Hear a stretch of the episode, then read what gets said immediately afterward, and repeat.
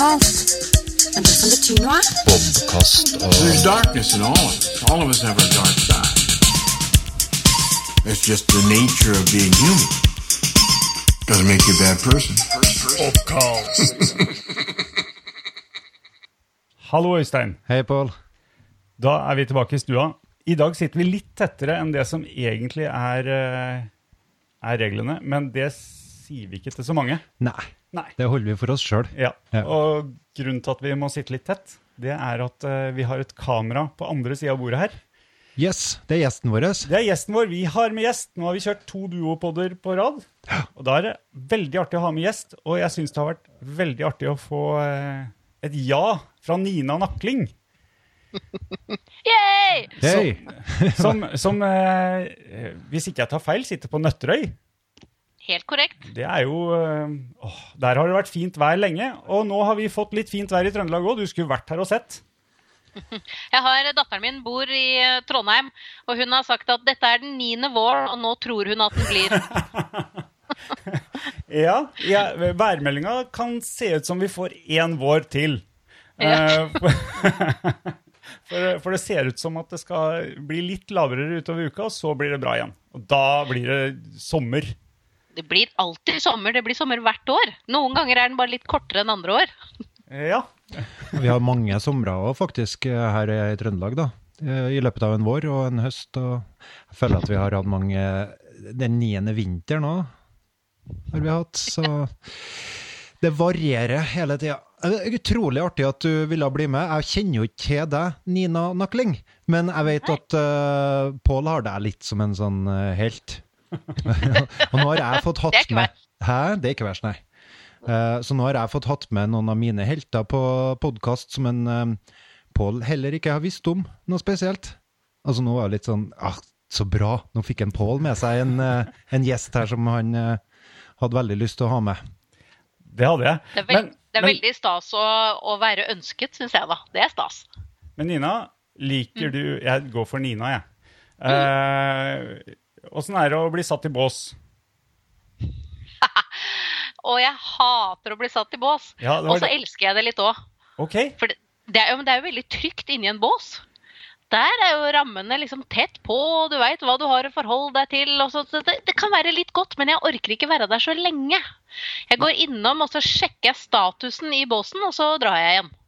ok. Så, det, så det er godt å være innom, og så må man ut i det frie igjen. Men siden den podkasten er litt lengre enn du orker å være i den båsen, så hadde jeg egentlig tenkt at du skulle få si litt om øh, hvordan båsen din ser ut, istedenfor at jeg setter deg i bås ut fra de to foredraga som jeg har vært, øh, vært på med deg, pluss at jeg har øh, fulgt deg på litt diverse sosiale medier og sånt. Men jeg tenker, kan ikke du lage litt bås for oss? Jeg kan lage litt bås. Jeg kan jo starte med å si at jeg er skaptrønder. Hei! Jeg har eh, masse familie på Frøya. så det, det pleier å hjelpe når jeg har kurs i Trøndelag hvor jeg sier jeg vet det heter Stjørdal, f.eks. Så det, det er viktig. Ja, Og så eh, Jeg er en eh, ung dame på 47 som eh, har begge beina og hele kroppen godt planta inn i barnehagesektoren. Det er mitt fagfelt og mitt eh, ja, kjæreste organisasjon. Det er egentlig Barnehagen som organisasjon er eksempelet for hvordan man skal drive organisasjon. Vi kan dette med relasjon, vi kan det med å ta vare på hverandre, og så kan vi system og orden. Det syns veldig godt om dagen nå, når barnehagene åpnes etter en litt annerledes tid. Der er barnehagene helt rå. Så det er ja, bakgrunnen min. Jeg har eh, utdanning som hobby. Elsker å ta eksamen. Jeg syns eksamen er fantastisk oppfinnelse. For eksamen er rett og slett en hel dag midt i uka hvor du kan ete godteri og drikke brus med god samvittighet. Langt unna lørdagen. Så eksamen er helt nydelig, og så går du ut derfra med kunnskap etterpå. På papiret. Så eksamen det kunne ikke vært bedre. Jeg hadde en i klassen eh, sist jeg studerte noe som mente at du kunne ha med øl på eksamen òg. Så hvis du ville ta den helt ut, så var det ingenting som i reglene som sa at du ikke kunne drikke øl på eksamen. Nei, det står ikke at det er alkoholforbud. Så Nei. man kan jo alltid jeg har, En i min familie sa det at den som, den som sover, synder ikke. Så den som drikker øl, den blir trøtt. Den som blir trøtt, sovner. Og den som sover, synder ikke. Øl er sunt og bra. Den Den jeg er usikker på om jeg kan være med på den, men vi tar den for god fisk, akkurat sånn som hun ville. at det skulle Det eneste, eneste jeg tenker sånn eh, når jeg prøver å framsnakke øl på alle mulige andre, enn at det er, alle mulige andre måter enn at det er godt og hyggelig, og alt sånt, så er det, er det ikke mye B-vitaminer. Veldig mye B-vitaminer. Det, det er godt for det meste. Jeg skal innrømme at jeg er blitt fryktelig glad i alkoholfri øl. Nå er det så mye bra alkoholfri øl, for jeg er veldig glad i smaken. Og så er jeg ikke så glad i konsekvensen. Men så nå er alkoholfri øl er blitt kjempebra. Har du undersøkt om det er B- B-vitaminer i alkoholfri øl òg? Nei, men det er helt irrelevant, for det er godt. Ok, ja. Nei, fordi at, eh, fordi at eh, og, og i forrige pod så snakka jeg og Øystein en del om, eh, om ettervekst og hår i disse tider. Det er jo mange som gleder seg til frisøren åpner nå. Og det, da er det jo relevant å snakke om B-vitamin, for det hjelper vel også for hårvekst, tror jeg. De sier det, at man skal vaske håret sitt i øl. Det skal ikke jeg uttale meg. Det er ikke mitt fagfelt. Selv med eksamensfetisj så er akkurat hår og B-vitaminer er ikke mitt eh, fagfelt. Men, men du, Så- du har kjørt litt på merkevarer med hår? Det, det, det har jeg, og det er jo rett og slett fordi at med det håret jeg har, så er det jo umulig å komme unna. Vi får be folk søke, søke deg opp på, på nett. Store, Mm. fine krøller. Det pleier å være et sånt uh, inngangspass til å komme inn med på podkasten vår. Er, er det mange med krøller? Eh, Vi har hatt en Tor Egil. Han har òg et Ha- vilt, ha- ja, han har- fint Tor Egil Bagøyen han er jo også eh, barnehage, barnehageforedragsmann. Ja. Uh, og du har vel ikke egentlig nevnt ennå i båsen din at, uh, at du driver litt med foredrag, for nå kanskje de som har vært så uheldig å ikke ha snubla borti deg, tror at du tråkker rundt og åpner barnehage i dag. Det har du ikke gjort. Det har jeg ikke gjort. Det har jeg ikke gjort. Jeg har, de siste tolv årene så har jeg drevet et firma som heter Nakling Entusiasme, hvor jeg har vært kurs- og foredragsholder på heltid. Så i tolv år har jeg reist land og strand rundt og holdt kurs, fagkurs for skole og barnehage. og Drevet masse med lederutvikling, motivasjon, arbeidslyst, arbeidsglede, endringsvilje, handlekraft. Ja, kommunikasjonskurs. Det er jo helt fantastisk å kunne stå på en scene foran en hel bunch med folk og brenne for faget sitt samtidig. Det er et kinderegg! Ja, det, det ser nesten ut som du trives når du står der òg. Jeg elsker det. Ah. Det er helt fantastisk. Ja. Jeg har ikke vært på foredrag med deg. Pål, eh, har du vært to ganger, faktisk? Ja, Det var først en, eh, en gang hvor jeg ikke hadde noen forventninger eh, i det hele tatt, egentlig, annet enn at det sto Nina Nakling. Og jeg, tok opp, eh, jeg har tatt opp de foredragsnotatene i dag, faktisk, og kikka da på hva det, Ja. hva det var. Eh, og så eh, var jeg en gang etter jeg ble Ja, det var når du var i, her i Klæbu, i, eh, i eh, Kulturhuset, og alle barnehageansatte i Klæbu var der. Da det er mye større for, forventninger, og det er, jo, det er jo veldig artig. For du, eh, du har vel Du ser jo på videoene. Du har sett på videoene, Øystein, på nett. Jeg er ikke så god på video. Er Jeg er, er, video? mest, jeg er best på tekst og podkast. Ja, du er best hvis, hvis vi ber Øystein kikke på eh, en eller annen instruksjon, så vil jeg gjerne ha skrevet. Jeg er ikke noe glad i sånn videoforklaringer. Det tar for lang tid, og det opptar for mye sanser. Jeg har ikke Men en, en bruksanvisning er helt undervurdert. Altså, eh, jeg skjønner at jeg tar den bruksanvisningslesningen litt langt. Da jeg kjøpte meg motorsykkel, så kjøpte meg jo også hjelm og dress og alt det som skulle til. Og når du tar opp bruksanvisningen på hjelmen, da er det hakket over voldsomt. Hvil- hvil- Hvilken diagnose vil du putte det inn under? Det tror jeg er i, i ekstrembruksanvisningsdiagnosen. Jeg, jeg åpnet og begynte å bla i den og skjønte at det her må du aldri si til noen. og så har jeg jo sagt det til alle allikevel. Ta, ta det på en podkast. Men jeg arkiverer er- dem i tillegg. Tar vare på dem. Og finner dem når jeg rydder garasjen. Og da blir jeg litt sånn nostalgisk. Oi, kjøpte jeg meg det? Har jeg hatt det en gang i tida? Så, Men da kan jeg, da kan jeg legge til det igjen, for jeg tar ikke vare, ba, bare vare på instruksjonen, jeg tar vare på esken òg. ja. Så jeg har esker fra den gamle 360-en min, Xboxen. Oi. Hva skal jeg med den? Ja, hva skal du med den? Jeg, òg har det. det Har ingen anelse. Den er ikke til nytte for noe. Jo, jo, det kan være. Hvis du kjøper en fin julegave som du skal pakke inn i noe kjekt, så er det greit å ha en ekstra eske. Ja, jeg tenker jo alltid økonomi. Så hvis jeg skal selge den tingen igjen, så vil det øke verdien på det, eller øke det at sjansen til å få solgt det. det. Ja, det har ikke slått meg. Det er faktisk sant. fordi inni esken er det jo også selvfølgelig det papiret som ligger rundt, så du kan jo teknisk sett få den til å se helt ny ut. Ja, og det er mange som har fetisj på det der med innpakning, og det er jo YouTube-videoer som er kjempepopulære med hva det kalles da? Unbox Unwrapping. therapy. Unbox, unwrapping. Unwrapping, ja. unboxing, ja.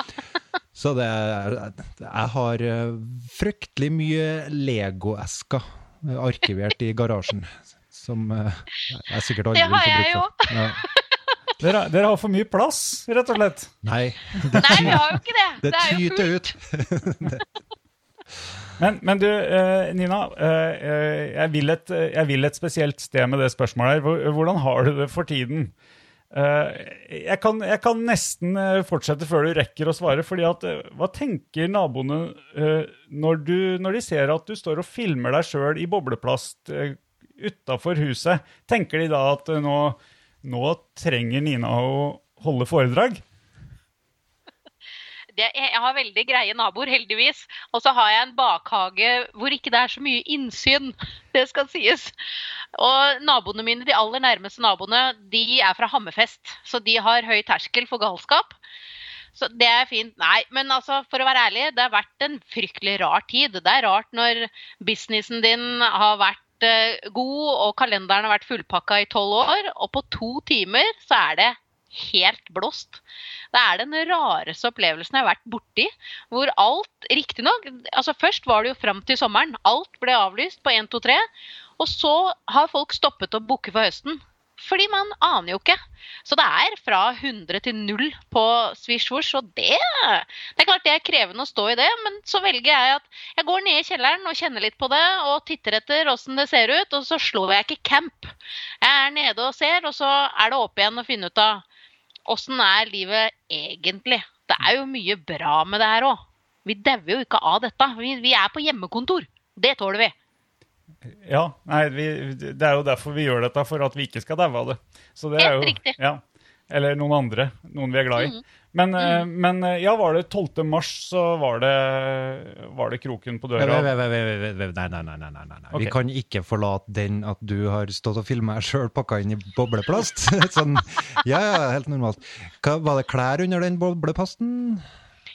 Altså, Nå har jeg lyst til å si nei, men det var det. For anstendighetens skyld. Okay. Nei, det var rett og slett Dette er jo litt av greia da med når eh, businessen blir eh, sendt i kjelleren, så må man jo finne på et eller annet. Og veldig mange foredragsholdere kasta seg rundt og var utrolig flinke Ja. med å sette i gang med webinarer, og det var livestreaming. Ja. Og jeg, jeg trengte litt mer tid, for jeg, jeg syns ikke det var morsomt. Jeg var som sagt en liten stund nede og sjekka kjelleren. Og så tenkte jeg at nei, vet du, det viktigste for meg er å holde humøret, holde entusiasmen. Og hva kan jeg gjøre for å holde det hos meg selv? Og så tipper jeg at det er flere enn meg som syns at det er litt kjipt. Og da tenker jeg at det er mulig å bjuda på litt. Jeg pleier jo ikke ta noen hensyn når jeg står på scenen. Jeg har jo ingen grenser for hva jeg verken kan si eller gjøre på scenen. Så tenkte jeg kan jeg like godt gjøre det, og øve meg litt på video også. For da etter hvert å begynne med webinarer sjøl. Så jeg begynte å legge ut sånne små kaller det fjasevideoer. Så den, eh, en av de siste har da vært at jeg fant fram et antrekk jeg og en venninne av meg lagde for et par år tilbake, hvor vi sydde et foldeskjørt i bobleplast. Med, og med emaljerte hull, må vite. Det var gjort ordentlig. Og læresnorer for å stramme. Og det var også da en topp med også snøring bak og emaljerte hull og ordentlig. Så jeg kledde på meg dette, og jeg hadde da en topp under og sykkelbukse for anstendighetens skyld. Men det kan man jo skippe hvis man har lyst til å bjude på litt ekstra. Ja, Så rett og slett tips. Jeg fikk lyst til å se den videoen, jeg, i hvert fall. Det var nok Det var spennende, det der. Eh, Men eh, hvordan hadde du det egentlig når du så alle dem rundt deg eh, hoppa på webinar, begynte å arrangere ting på nett, og så blir du litt stressa da, eller tenker ja, i morgen skal jeg sette i gang? I morgen? Nei. Ja, de første reaksjonene tror jeg var litt sånn eh, sammensatt av flere ting.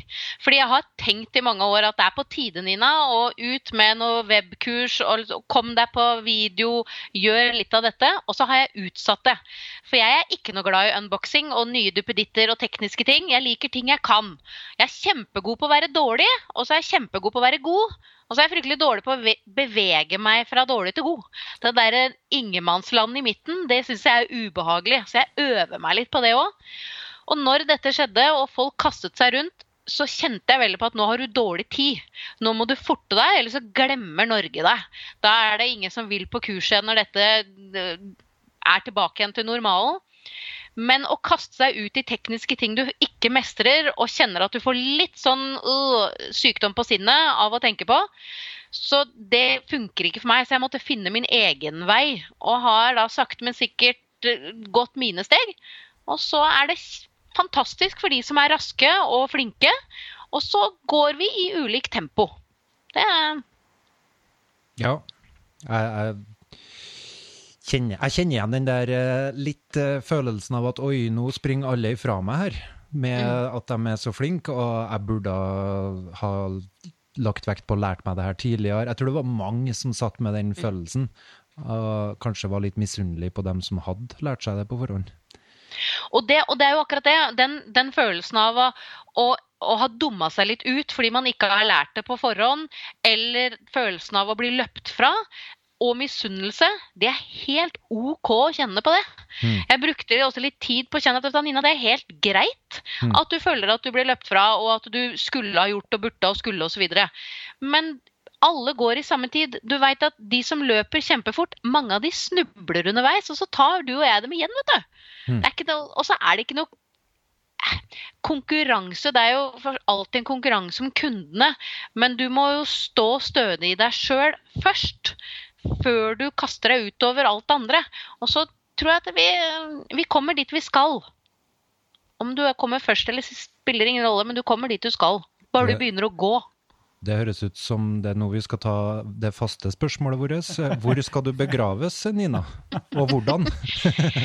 Jeg vil ha en kjempe altså jeg vil ha en stor begravelse med masse musikk, masse glede, masse humor. Og så vil jeg bli feira for det livet jeg levde, ikke sorgen som eventuelt er igjen. Ok, det blir en fest, altså, når du dør. Det, Da skal det danses på hørtes jo veldig trist ut når du sa det sånn. Men jeg, ja, nei, altså det er jo for så vidt litt alvor i det òg. Det, det er stor forskjell, selvfølgelig. Dør man altfor ung og altfor tidlig, og dette her, det er, det er en helt annen sak. Men om jeg skulle være så heldig å få levd et fullt liv, og dø i, i voksen alder, i, så tenker jeg at da skal det livet feires, det som var, og ikke sorgen. Altså det er eh, Tenk alt jeg har fått gjort, da. Ja. Og jeg har ikke tenkt å dø nå, det vil jeg bare si. Jeg har uhyre mye jeg skulle gjort Ja. før jeg har tenkt å drive med det. Ja, det ville ha vært den dårligste podkastepisoden hvis du døde nå. For vår del, i hvert fall. Det, ja, jeg, tenk, ja, ja, jeg tenker jo at det, det kunne jo eh, altså, det, Gått viralt. det godt Bobkast drepte nakling. Eller Dagbladet Nei, fysj! Kom oss ved. Men hvor? Hvor skjer det? hvor, ikke, ikke, hvor, ikke hvor hun dør, men hvor, nå, Ja. nå er du på gravlegging. Ja, nei, jeg lurte på for at Nøtterøy Jeg har peiling hvor Nøtterøy er. Det kan være i Tønsberg. Lofoten. Tønsberg. Jeg vet ikke hvor Tønsberg er. eller? Du Nei, kjører men nå må du begynne å se på videoer, altså geografivideoer. Dette er det. Men Tønsberg er jo en veldig liten by uh, Ja. på Østlandet en plass, ikke sant? Ja, det er ti mil sør for uh, Oslo. Ja. Du kjører forbi det når du kjører til Kristiansand? Nedover der? Det er riktig. Ja. Så, Eh, Når du, Eller, kom, ja, når du kommer til, til Tønsberg, Ja. så kjører du over Nøtterøy, og så kommer du til Tjøme. Så ofte så vet folk hvor Tønsberg og Tjøme er, og så lurer de på men hvor er Nøtterøy. Så sier jeg det er midt i. Det er det du kjører over. ok. Og der bor og det er mange. en fantastisk plass. Det er en fantastisk plass. Mm. Få høre. Hvorfor? Fordi det er Her har jeg absolutt alt. Jeg bor midt i skauen. Og så er det bare noen hundre meter til sjøen. Og så er det en halvtime i bil, så er jeg på fjellet. Det er en halvtime til Torp, og da flyr jeg til verden når man kan fly til verden. Og det er en time til Oslo. Altså, alt er jo rett her.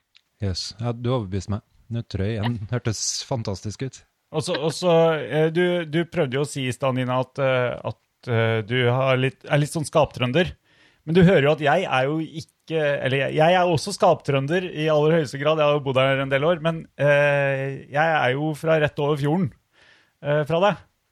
Nettopp. Eh, Hvor egentlig, da? Egentlig begge veier. Eh, litt sånn tidlig barndom i, i Østfold. Det er litt lenger over fjorden. Men og så til Sandefjord. Ja, se der. Ja. Sandefjord er jo bare strake veien. Ja, og, og, og Østerøya, som jo er rett over Ja. Så det, det med saltvann, for eksempel Vi har snakka litt før her om at jeg har, jeg har kjøpt meg en seilbåt her oppe for å få litt mer saltvann. Eh, og det, det var fint. Jeg var ute Hvilken dag er det i dag? Eh, Søndag kveld. Dagen før vi skulle åpne, så var jeg ute på fjorden her. Og da var det jo den niende våren, da, som vi snakka om. Eh, og vi tok en tur ut med seilbåten. Jeg heiste ikke seil, for det var vindstille. Helt nydelig. Alene? Og det, er, det, det her er viktig. Det er viktig dette med saltvann. fordi her ute på Nøtterøy Hjemme, jeg er jo fra Slemmestad, det er jo også i nærheten av sjøen. Der sa vi vi skal ut på sjøen.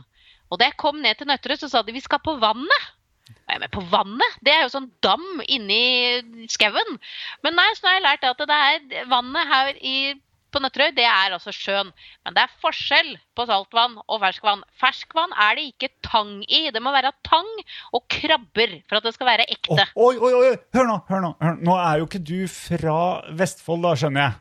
Men eh, nå må vi teste her. De, eh, de Skjønner du hvor jeg vil, Øystein? Jeg vet veldig godt hvor Ja, veldig bra. Eh, de, som du, de som beveger seg sakte rundt i vannet om sommeren, eh, og som er eh, litt sånn geléaktig Kan du være så snill å uttale det her? Og nå håper jeg Nå håper jeg òg. Maneter. Ja, maneter, ja. Dem, ja. Det er dem vi snakker om. Hun er litt lenger nordfra, altså. Du skjønner, Pål og men de- mora hans har nemlig en talefeil som gjør at de uttaler det med en diftong til slutt der. Manate. Å, ja, men det, det, det heter maneter, men maneiter det er, Maneit er, er de der bedritne med lange tråder og er rød og blå sånn. Det er en maneit fordi den er teit. Det sa vi i Slemsa. Maneit. Maneit er teit. teit. Det er sånn Ja. som barn snakker for å få det til å rime på teit. Jeg føler at Nina eh, hanka seg fint inn der. Hun prøver å gjøre deg god. Ja, det er veldig snilt. Hun er flink på det, det vet jeg. Jeg har hørt alle podkastene også. Jeg prøver å gjøre han dårlig, det er liksom greia mi. For han er så god, så han må bare jekkes litt ned det er med jevne mellomrom. Det, ja. Det er hele podkastprosjektet mitt, faktisk. Det er veldig bra. Og vi er på episode 27. Eh, og jeg, jeg står fremdeles, men det er tungt nå. Det er tungt nå. Det, var derfor jeg fikk med deg. Så For vi har inn som forskjellige fagpersoner som kan hjelpe oss med For Bobkast er et hobbyprosjekt som, eh, som eh, gir oss litt overskudd og energi og sørger for god helse for min del. da. Så vi har hatt inn HR, HR-konsulent, og snakka litt om hvordan vi avklarer forventninger til hverandre og prosjektet. Og jeg føler nesten at du er inne nå, som en konsulent på det her eh, superkollega-greia di, som da har forstått er ei bok, som vi ser i bakgrunnen av, eh, til deg her òg, på bildet ditt. eh, En diger poster. Og som er mulig å få hørt på lyd, for den som liker det, som meg, med åtte veldig konsise podkaster som tok for seg hvert av kapitlene. Og da er det sånn at eh, i morgen så har vi tenkt, eller i morgen eller en av dagene så spiller vi inn litt flere. Så det kommer flere sånne små, korte superkollega-podkaster. Ja. er, er det, et, er det av korona at dere har fått mer tid til det, eller er det, var det planlagt? Er det lenge siden dere spilte inn det som dere har lagt ut til nå? Nei, det er ikke så veldig lenge siden. Vel, eh, vi spilte det inn et par dager før vi la det ut. Det, er, eh, det handler jo selvfølgelig også om at vi har litt bedre tid, for vi er jo foredragsholdere begge to og har litt eh, åpne dagbøker om dagen. Samtidig så hadde vi tenkt at dette var planen. Det skulle være podkast. At den skulle komme akkurat nå, var kanskje ikke det vi hadde planlagt. Men eh, sånn ble det nå, da. Så, og, og dette er også er sånn, Vi elsker jo å sitte og prate og kjenne hverandre veldig godt. Så det er pang, pang, pang, og så er det spilt inn.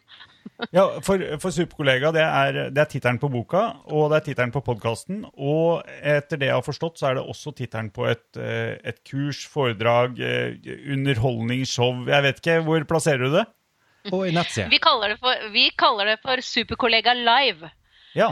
Og det er rett og slett liveversjonen live-versjonen av boka slash foredraget. Hvor, og det skal være showpreget. Det er med musikere, og det er eh, fullt trøkk på scenen. Og vi hadde faktisk premiere på Superkollega Live 27.2. Så vi rakk det akkurat før eh, viruset kom og tok knekken på de tre neste oppsett. Vi skulle egentlig til Trondheim 2.6. Det ble utsatt. Men til høsten så blir det satt opp nye datoer, så vi kommer med Superkollega live. Så det er da bok, det er en nettside, det er eh, et firma, foredrag. Og det, det kommer etter hvert. Vi har nå på trappene Nå lager vi to nye konsepter som kommer på web, og det er Superforeldre. Som blir et eh, kurs for foreldre, småbarnsforeldre, ungdomsforeldre og for parforholdet. Og så blir det Superservice, som er for de som jobber i servicebransjen. Salg og retail osv. Du utvider? Yep. Ja, for det, det tenkte Jeg ser jo på deg uh, med barnehageøyne. Uh, Øystein han har Jeg jobber jo som styrer i barnehage, det har vi snakka om på podden før. Øystein har litt sånn barnehagebakgrunn. Han Hva har du gjort i barnehagen? Jeg er av den, dem som skal endres og påvirkes. Jeg tar jobb for å få pengene, og jobber som vikar. eh, Har gjort det i fem år, ja. Jeg har vært litt fast ansatt òg. Vet du hva, Hvis du hadde vært i, i eh, Kulturhuset i Klæbu når Nina var der, Ja. eh, og du hadde sagt det der, så hadde du blitt bedt om å finne en ny jobb. Ja. Sant, Nina? Det er helt korrekt. Ja. For å være i barnehagen så må du ha lyst, krefter og mot. Og har du tenkt å drive med noe annet, så la være å være i barnehagen. Ja, Men det er en veldig lettvint måte å tjene penger på. Ah! Bing, bing, bing, bing! Alarm, alarm! å jobbe i barnehagen skal ikke være en lettvint måte å tjene penger på. Der er du ikke for å tjene penger. Der er du for å bygge gode, solide fundamenter for unga. Der er du for å lage et godt utgangspunkt for et resten av et liv fylt med både utdanning, læring, kompetanse, sosiale relasjoner, alt det der. Du skal ikke være der bare fordi du skal tjene penger. Da får du gå og tjene penger på Esso. Utpå høsten, når kvinnfolkene blir syke og sånn, vet du, så er det ingen som bryr seg om det der. Når de begynner å få vondt i Det ryggen og er så mange langtidssykmeldingene mannfolk Og... som blir mye sjukere enn kvinnfolka. Det vil jeg bare sagt. Og, men spøk til side. Det er, ja, det er mye sykdom i enkelte perioder i barnehagen. Og vi trenger folk inn dit. Og jeg tror barnehagen utover nå har blitt mye mye flinkere enn de var for 10-15 år siden til å bare dra inn folk fra gata fordi vi trengte armer og bein. Fordi vi trenger folk som virkelig kan gjøre en skikkelig jobb sammen med ungene. Det er 2020, og det er store krav som stilles til de folkene som skal være sammen med barna. Det er unga våre, det her. Det er ikke noe random greier vi skal male litt på. Du legger lista høyt her, hører jeg. Mhm, jeg gjør det. Ja, det, det er like en Pål. Han sitter bare og smiler ved siden av her. Eh, tilbake til det podkastgreia. Når han Pål hadde hørt at eh, du hadde Eller han følger deg, han stalker deg, vil jeg si. da. På Instagram. Så når han så at du hadde spilt inn eh, åtte episoder podkast, så fikk jeg sånn åtte surmunnmeldinger til meg. For da hadde han allerede sendt en forespørsel til deg om du ville ha vært gjest. Og så åtte surmunn. Hun har laga egen podkast. Og da tenkte jeg at da kom du ikke til å svare ja, og så, jeg, og så svarte du jo ikke heller.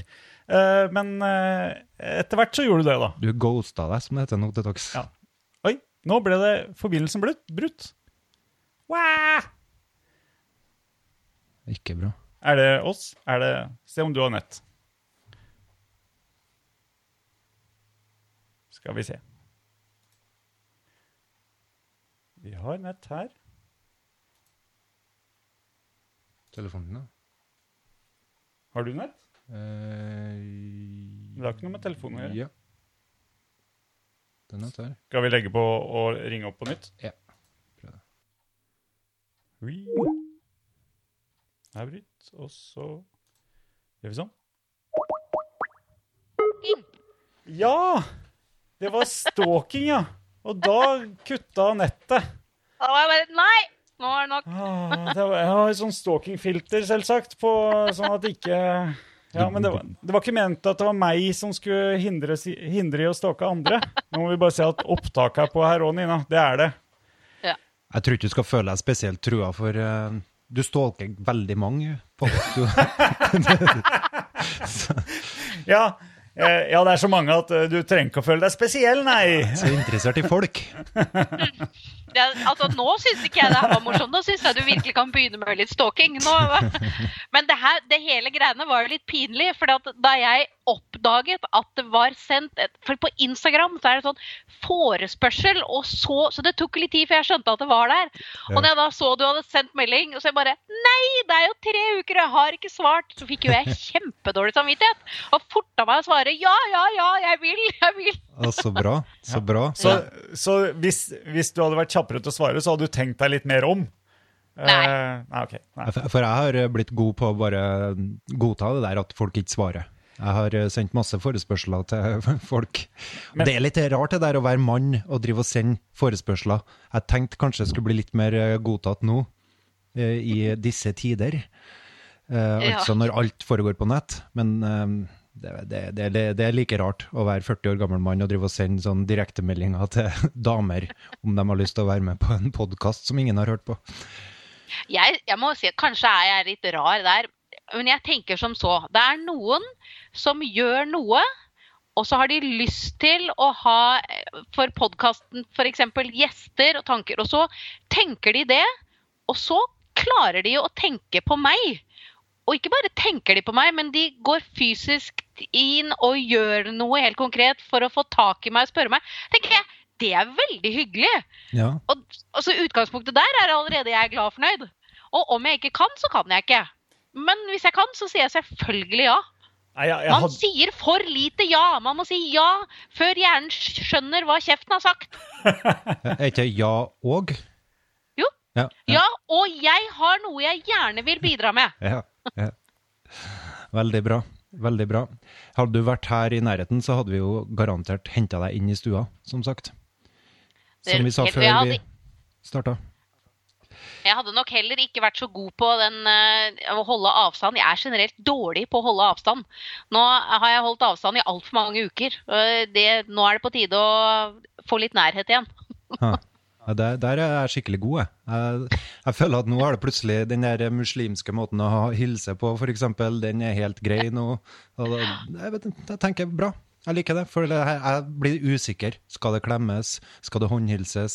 Nei, nå skal det holdes avstand. Og da blir jeg tryggere i, i der jeg er. Jeg vet hva, hva jeg skal gjøre. ja, ba- bare for å gå tilbake til et, også et tidligere tema. Vi har jo, vi, med disse lange podkastene så har vi jo fått snakka om en del. Og jeg utfordra Øystein på en klem her i en eller annen episode. fordi at det syns jeg er fryktelig vanskelig. Når menn skal klemme hverandre, Hvilken, hvilken type klem er det vi skal kjøre i dag? Er, det- er det liksom eh, kasse mot kasse, eller er det eh, skulder mot skulder, eller Ja, så eh, hva var det vi, var det vi kom fram til? Hva, hva var det jeg fikk? Du fikk en bamseklem, tror jeg. Ja, det var, du, Det, var altså begge armene rundt og godt tak det er kanskje den siste klemmen du ga det før korona? Det tror jeg nok det var den siste klemmen jeg ga.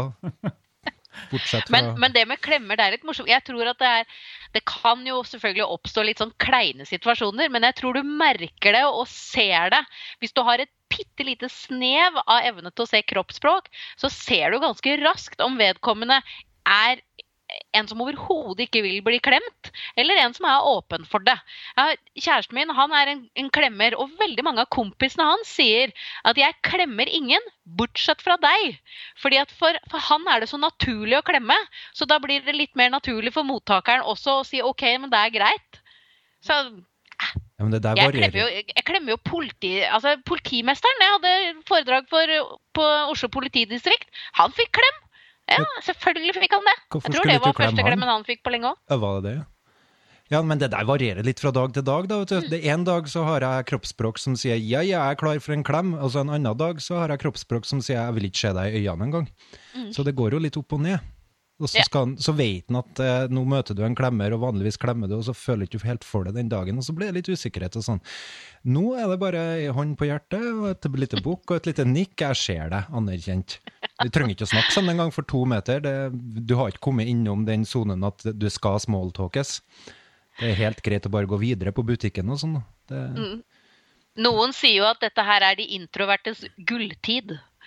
Nå, nå, nå er det helt greit å ikke forholde seg til folk, og man kan være aleine. Og for en ekstrem ekstrovert sjel som meg, så er dette det er tett opptil lidelse, vil jeg si. Ja, vi, har, jeg har jo, vi har jo planlagt godt i barnehagen. Jeg skal ikke snakke så mye om egen barnehage, men vi har planlagt godt i barnehageoppstart nå. Og Må har- ikke snakke om, for mye om din barnehage, for da må vi klippe. Ja, vi. ja, ja, ja. Nei, men, men eh, vi har jo snakka en del om at vi skal være litt raske med foreldrene, f.eks. eksempel, sånn at de ikke er der lenge, og sånn at det kan komme nye, nye inn. For det, det er jo litt trangt i gangen og sånn. Men, eh, men jeg glemmer jo det med en gang det kommer en mor eller far eh, forbi dø kontordøra mi. Og det, jeg, har sittet på kontoret hver dag, jeg har ikke hatt hjemmekontor. Og det har vært, eh, Jeg har jo hatt noen kollegaer der, men det har vært litt ensomt. Og jeg pleier å sitte med døra åpen. Og det er jo så godt når det kommer folk der som man kan prate litt med. Så nei, det har vært Og det er jo litt med det, vi går jo raskt tilbake igjen til det som er den vanlige måten for oss å leve på. Så det er klart at det, det å etablere nye vaner, det tar tid. Så bare det å ikke pelle seg i ansiktet tar jo lang tid. Nei, det går, det går ikke. Det. Jeg rødklør meg i ansiktet og sveiper ved hår og alt hele tida. Og håret er jo Altså, jeg går, jeg går fast med caps nå fordi at uh, det er jo helt uh, Ja, håret er overalt, og det er veldig langt. Øystein er en sånn fyr som har eh, ja, hår Sparer på håret. Sparer på hår Ja. og, og hårbånd og sånne ting. Eh, det er jo veldig Men jeg kan gjemme det oppi capsen. Og der har jo jeg Noen vil si at det er en ikke stor fordel. Jeg vil si at det er en stor fordel. Mitt hår er jo et reir om det akkurat har vært hos frisøren, eller om det er fryktelig lenge siden. Og jeg har verdens fineste frisør. Hver gang jeg er der, så er jeg der nesten to timer. Men det som tar kortest tid, det er å klippe det. For da klipper hun lugg. Og det er, jeg tøyser ikke, fire klipp, og så er det ferdig. Så det vi bruker tid på, er farge og kur og alt mulig sånn. Så om jeg har klippet meg eller ikke, det er det ingen som merker. Tør jeg spørre hva en sånn behandling koster? Jeg har lite greie på frisør, så Ja, nei, og jeg er der i to timer, og jeg farger og kurer og gjør en hel massing. Jeg betaler rett over 2000 kroner. Og jeg regner med du jabber så mye at du burde egentlig tatt deg betalt. For du kurser vel den dama? da? Jeg tror egentlig at eh, vi kunne gått ut der i null, hun og jeg. Ja, ja, ja. Det var ikke en fornærmelse, altså. Det var, Nei, overhodet ikke. Og hun fortjener alle pengene. Hun er verdens herligste frisør. jeg vet at praten går eh, lett eh, når en sitter frisør. For mange. Ja, Åssen er det med deg? Nei, for jeg klipper jo meg bare til frisør når jeg er i utlandet. Ja, ja, ja.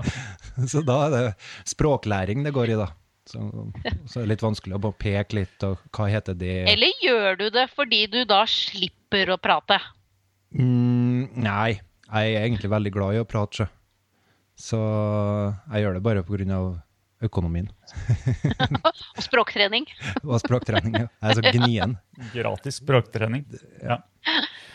Men, men eh, eh, Nina, før vi hadde et lite brudd her, og før vi kom inn på stalking og sånn, eh, så prøvde jeg å ymte frampå at jeg har deg sånn i barnehageverden. Og, og du snakka om at dere skal ut i serviceyrker og litt forskjellig. Har, har alle i barnehagen hørt deg, så du vil utvide? Å nei, og det handler ikke om det. det er, vi er to stykker bak Superkollega-konseptet, og min partner er Bård Brende. Og Bård Brende han er noe så spesielt som sivil Nå skal jeg si dette riktig, jeg lurer på om det er siviløkonom han er. Og så er han ekspert på teatersport. Så Oi. han er et fantastisk kobling av to helt merkelige, rare verdener og har jobbet veldig mye med salg og service. Så det er liksom hans hjertebarn. Og så er det superforeldre og barnehage, det å være foreldre både til småbarn og midt i barn og ungdomsbarn, det er min greie. Så vi deler veldig på det. det så det handler om å utvide rett og slett innafor de gruppene og kundegruppene og publikum vi allerede har. Du tar egentlig det samme konseptet som du har kjørt i barnehage, da, med hvordan du er kollega, hvordan du med ledelse, og så utvider du det til at det her kan brukes på andre områder òg. Det høres jo naturlig ut. Ja, og, og det, er vidt, det er for så vidt riktig. Dette med superkollega var rett, var en ting som oppsto litt sånn merkelig med at Bård og jeg traff hverandre. Og det er klart at de prinsippene i improvisasjon som vi putter inn i superkollega-konseptet, det har vi brukt innenfor barnehage og fagutvikling og lederutvikling i lang tid. Det er bare at vi har andre navn på det. Mm. Så, så disse prinsippene fra improvisasjon er et magisk bra verktøy for kommunikasjon, ikke minst samhandling. God samhandling i team og i store og små grupper hjemme. Så sånn sett så kan det konseptet brukes mange steder. Og det er mye av det jeg allerede har snakket om. Det var derfor Bård og jeg fant hverandre veldig. Fordi vi snakket om de samme tingene på forskjellige måter. Ja, jeg anbefaler alle å høre den podkasten, for at eh, det var konsist. Og til en Jeg var eh, voldsomt negativ i utgangspunktet. For jeg, jeg er ikke noe glad i å bli forført. Jeg er ikke noe glad i eh, superlativer. Og alt superkollega Der tikka alle boksene mine, for dette her skal ikke jeg like. Og dere snakker jo om det i podkasten òg. Eh, om eh, det med at eh, dere kommer til en arbeidsplass, og så er det noen som kommer med en god idé, og så er det lett å si ja, det her har vi prøvd før. Og, men jeg satt igjen og var egentlig ganske fornøyd med det jeg hørte. Fordi Det er jo helt suverent. fordi at dere tok høyde for det. At det kommer noen uh, surmulere som ikke er helt klar for dette her. Superpositive opplegget. Og det er jo nettopp det, da. Vi skal jo gjøre de surmulerne gode òg. For alle i ethvert kollegie, i enhver familie, i ethvert idrettslag eller borettslag, så har vi noen som er woohoo! Uansett hva som blir foreslått. Noen spør skal vi? Ja! Hva skal vi?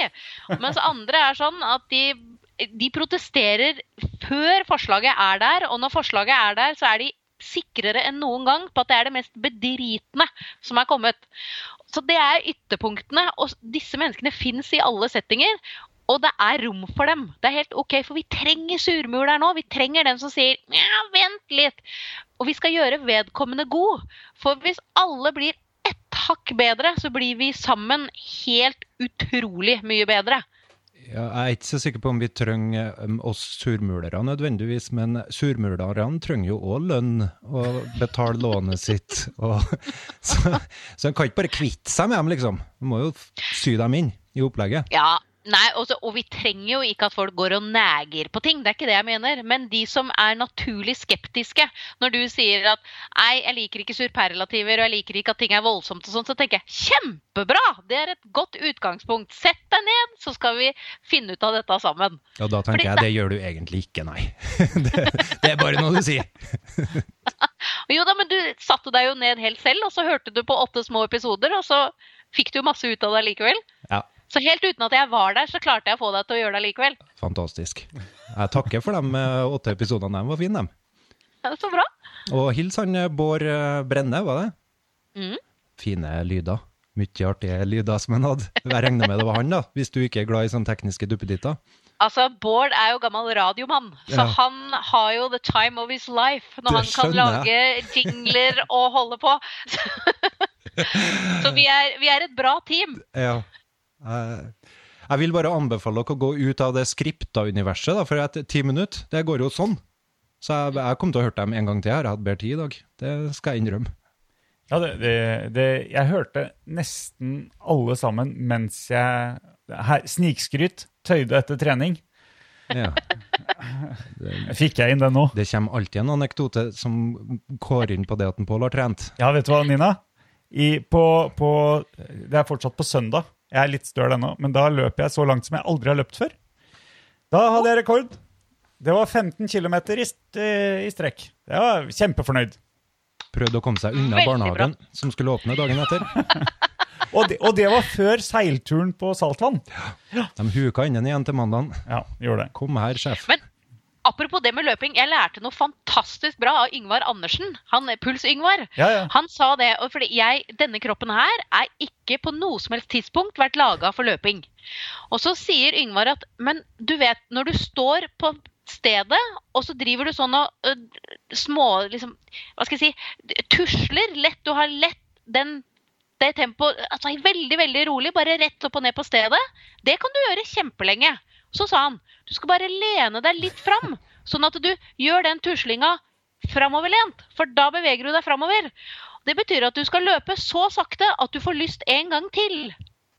Ja, det er viktig å ta det i, i små biter, ja. Ja, og for, for de første gangene er helt pyton. Det er pyton første gang når man starter opp på en måte for første gang hvis du ikke løper og skulle begynt å løpe, Nina. Og det er også pyton når man har vært sjuk eller et eller annet og skal starte opp igjen. Den dørstokkmila, eh, eller dørstokken Mila er både lang, og dørstokken er høy, og ja. Uh. Og det er akkurat det. Og så er det igjen, da. Det er klart, hvis du skal ut og så skal du slå Ingebrigtsen-gutta på 1500, da bør du trene systematisk. Men hvis du skal løpe for å komme i bedre form, så handler det ikke om at du skal sprenge grensene første dagen. Det, det du skal da, er å sette i gang. Og så vil du sakte, men sikkert, så blir det litt til og litt til. Og så løper du så fort som du gjør. Og du vet at for meg, jeg er 1,57 høy. Altså det er så vidt over knehasen høy, det. Og da har du jo ikke lange skritt. Så uansett hvilket menneske jeg løper sammen med, så løper jo jeg to og en halv ganger lengre enn vedkommende. Jeg har testa det med kjæresten min. Vi løper sammen. Og han har altså på en times løpetur så har han mellom 3000 og 4000 færre skritt enn meg. Så det, ikke sant? når han har løpt en mil, så har jeg løpt halvannen. Det Sånn er det.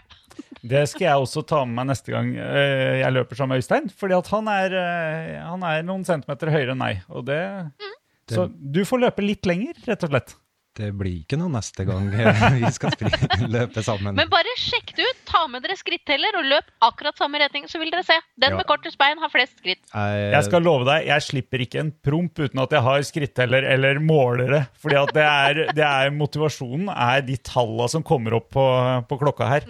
Så det Ja, se der òg, ja. ja.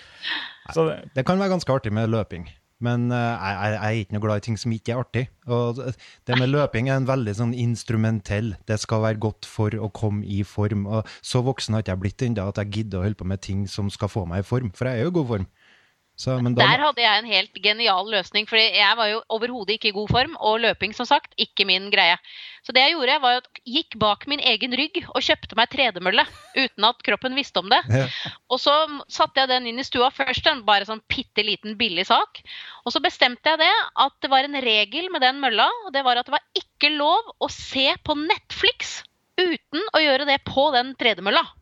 Og jeg tenkte det går bra, for det er bare drit på Netflix. Det er ikke det, vet du. Det er Nei. veldig mye bra. ja. Så, så når jeg da begynte å se episoder på serie, så hadde jeg jo lyst til å se en episode til. Ja, da måtte du stå på mølla 40 minutter til.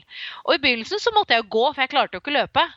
Og to og et halvt år etterpå så var det 20 kilo mindre, og én time løping om dagen var min pause. Så jeg nå har jeg kjøpt meg stor mølle, solgte to tresetere. Satte mølle midt inn i stua, kjøpte en bitte liten vinkelsofa. Satte inn mølla. Så nå ser jeg på Sexy menn på Netflix og løper. Helt nydelig. Ja. Og du skulle jo komme deg inn i motorsykkeldressen da, Ja, og det er, det er kjempeviktig. Og det morsomme med motorsykkelen er at denne her skrittelleren På syv timer på motorsykkelen har jeg 25 000 skritt på skrittelleren. Nei, det er juks, Og den, og den registrerer bicycling. Ja, ja, ja. Helt fantastisk. men, men pulsen står kanskje ikke helt i stil til aktivitetsnivå, eller? Nei, det, det gjør det ikke. Eller, eller kanskje du får høy puls av å kjøre motorsykkel? Eh, Ja, men ikke, ikke sånn treningshelsemessig høy puls. Nei. Det er mer sånn 'oh, det her var digg'-puls. Ja, Det er ikke sånn at Yngvar hadde applaudert eh, den, eh, den pulsen. Nei, da må du bare fortelle Yngvar om skritt, antall skritt, ikke puls. Ja, ja, ja. Men, men du, eh, dette med dette, den eh, superkollega, jeg har lyst til litt eh, tilbake til den, for alt er en gave, er også en, en av tinga der. Kan, du, kan du ikke si litt om det? Jo, jeg tror at i enhver organisasjon, om det er barnehage eller industri, så havner vi av og til i situasjoner hvor vi kunne ønske at vi ikke var. Og sånn som nå også, med virustid osv., der vi er hjemmekontor, og vi skal være foreldre, og vi skal være kjærester, og vi skal være arbeidstakere, det er mange ting som foregår, så er vi mennesker skrudd litt rart sammen, hvor de breieste stripene i hjernen er 'dette kommer til å gå drit'-veien. Og vi leiter veldig raskt etter alt vi mangler, og alt vi har mista, og alt som blir vanskelig. Hvis du snur fokuset og tenker at alt som dukker opp nå, det er en gave. Kanskje kjenner vi det ikke akkurat nå, men det kan bli det. Og så ble jeg plutselig litt usikker nå om det var alt er en gave eller du har alt du trenger, som var eh, spørsmålet ditt. For begge disse to tingene henger litt sammen. Ja? Fordi du har alt du trenger, handler om det der med å snu fokuset til det som faktisk er der. Du har alt du trenger både i deg sjøl fordi du har levd mer enn et kvarter. Du har erfaringer, og du har tanker, og du har ideer, og du har kompetanse. Og så har dere det dere trenger med at det er flere enn deg på jobben. Det er flere enn deg i familien, stort sett. Og hva kan dere sammen? Rett fokus mot det som er der, istedenfor alt det som mangler. Og denne tiden som vi er i nå, som kan kjennes pyton, det kan vise seg at for veldig mange så har det vært en gave. Fordi du lærte deg det du ikke hadde lært deg til nå. Du gjorde de tingene som du har utsatt. Og så kjennes det ikke ut som en gave akkurat her og nå, men i ettertid så viser det seg at de største åpenbaringene, både kunnskapsmessig og jobbmessig og hjemmemessig, hadde sitt utgangspunkt i noe som kanskje i utgangspunktet kjentes litt sånn e ut. Og Derfor så henger disse to tingene veldig tett sammen. at Hvis du har fokus på det du har, istedenfor det du mangler, så vil du oppdage at du har det du trenger. Og Hvis du har fokus på at det som er skitt nå, det kan hende at det på et eller annet tidspunkt har gitt meg det jeg faktisk trengte. Mm. Det er litt sånn religiøst, det der. Litt som Jobs bok. Ja, det, ja, uten å trekke de parallellene helt fullt, så er det litt sånn det er. Fordi det er så lett, da, og jeg kjenner det sjøl også, at jeg har lyst til å gå i den alt er dritt-fella. Fordi det kjennes jo skit òg. Og det er helt OK. Og det er ikke sånn at du nå skal tenke positivt, og så blir alt bare mm, fryd og gammen. For det må være lov å kjenne at ting er skit, og vi lever et liv i alle farger, og alle følelser er helt OK. Og vi skal ikke le oss ut av kriser.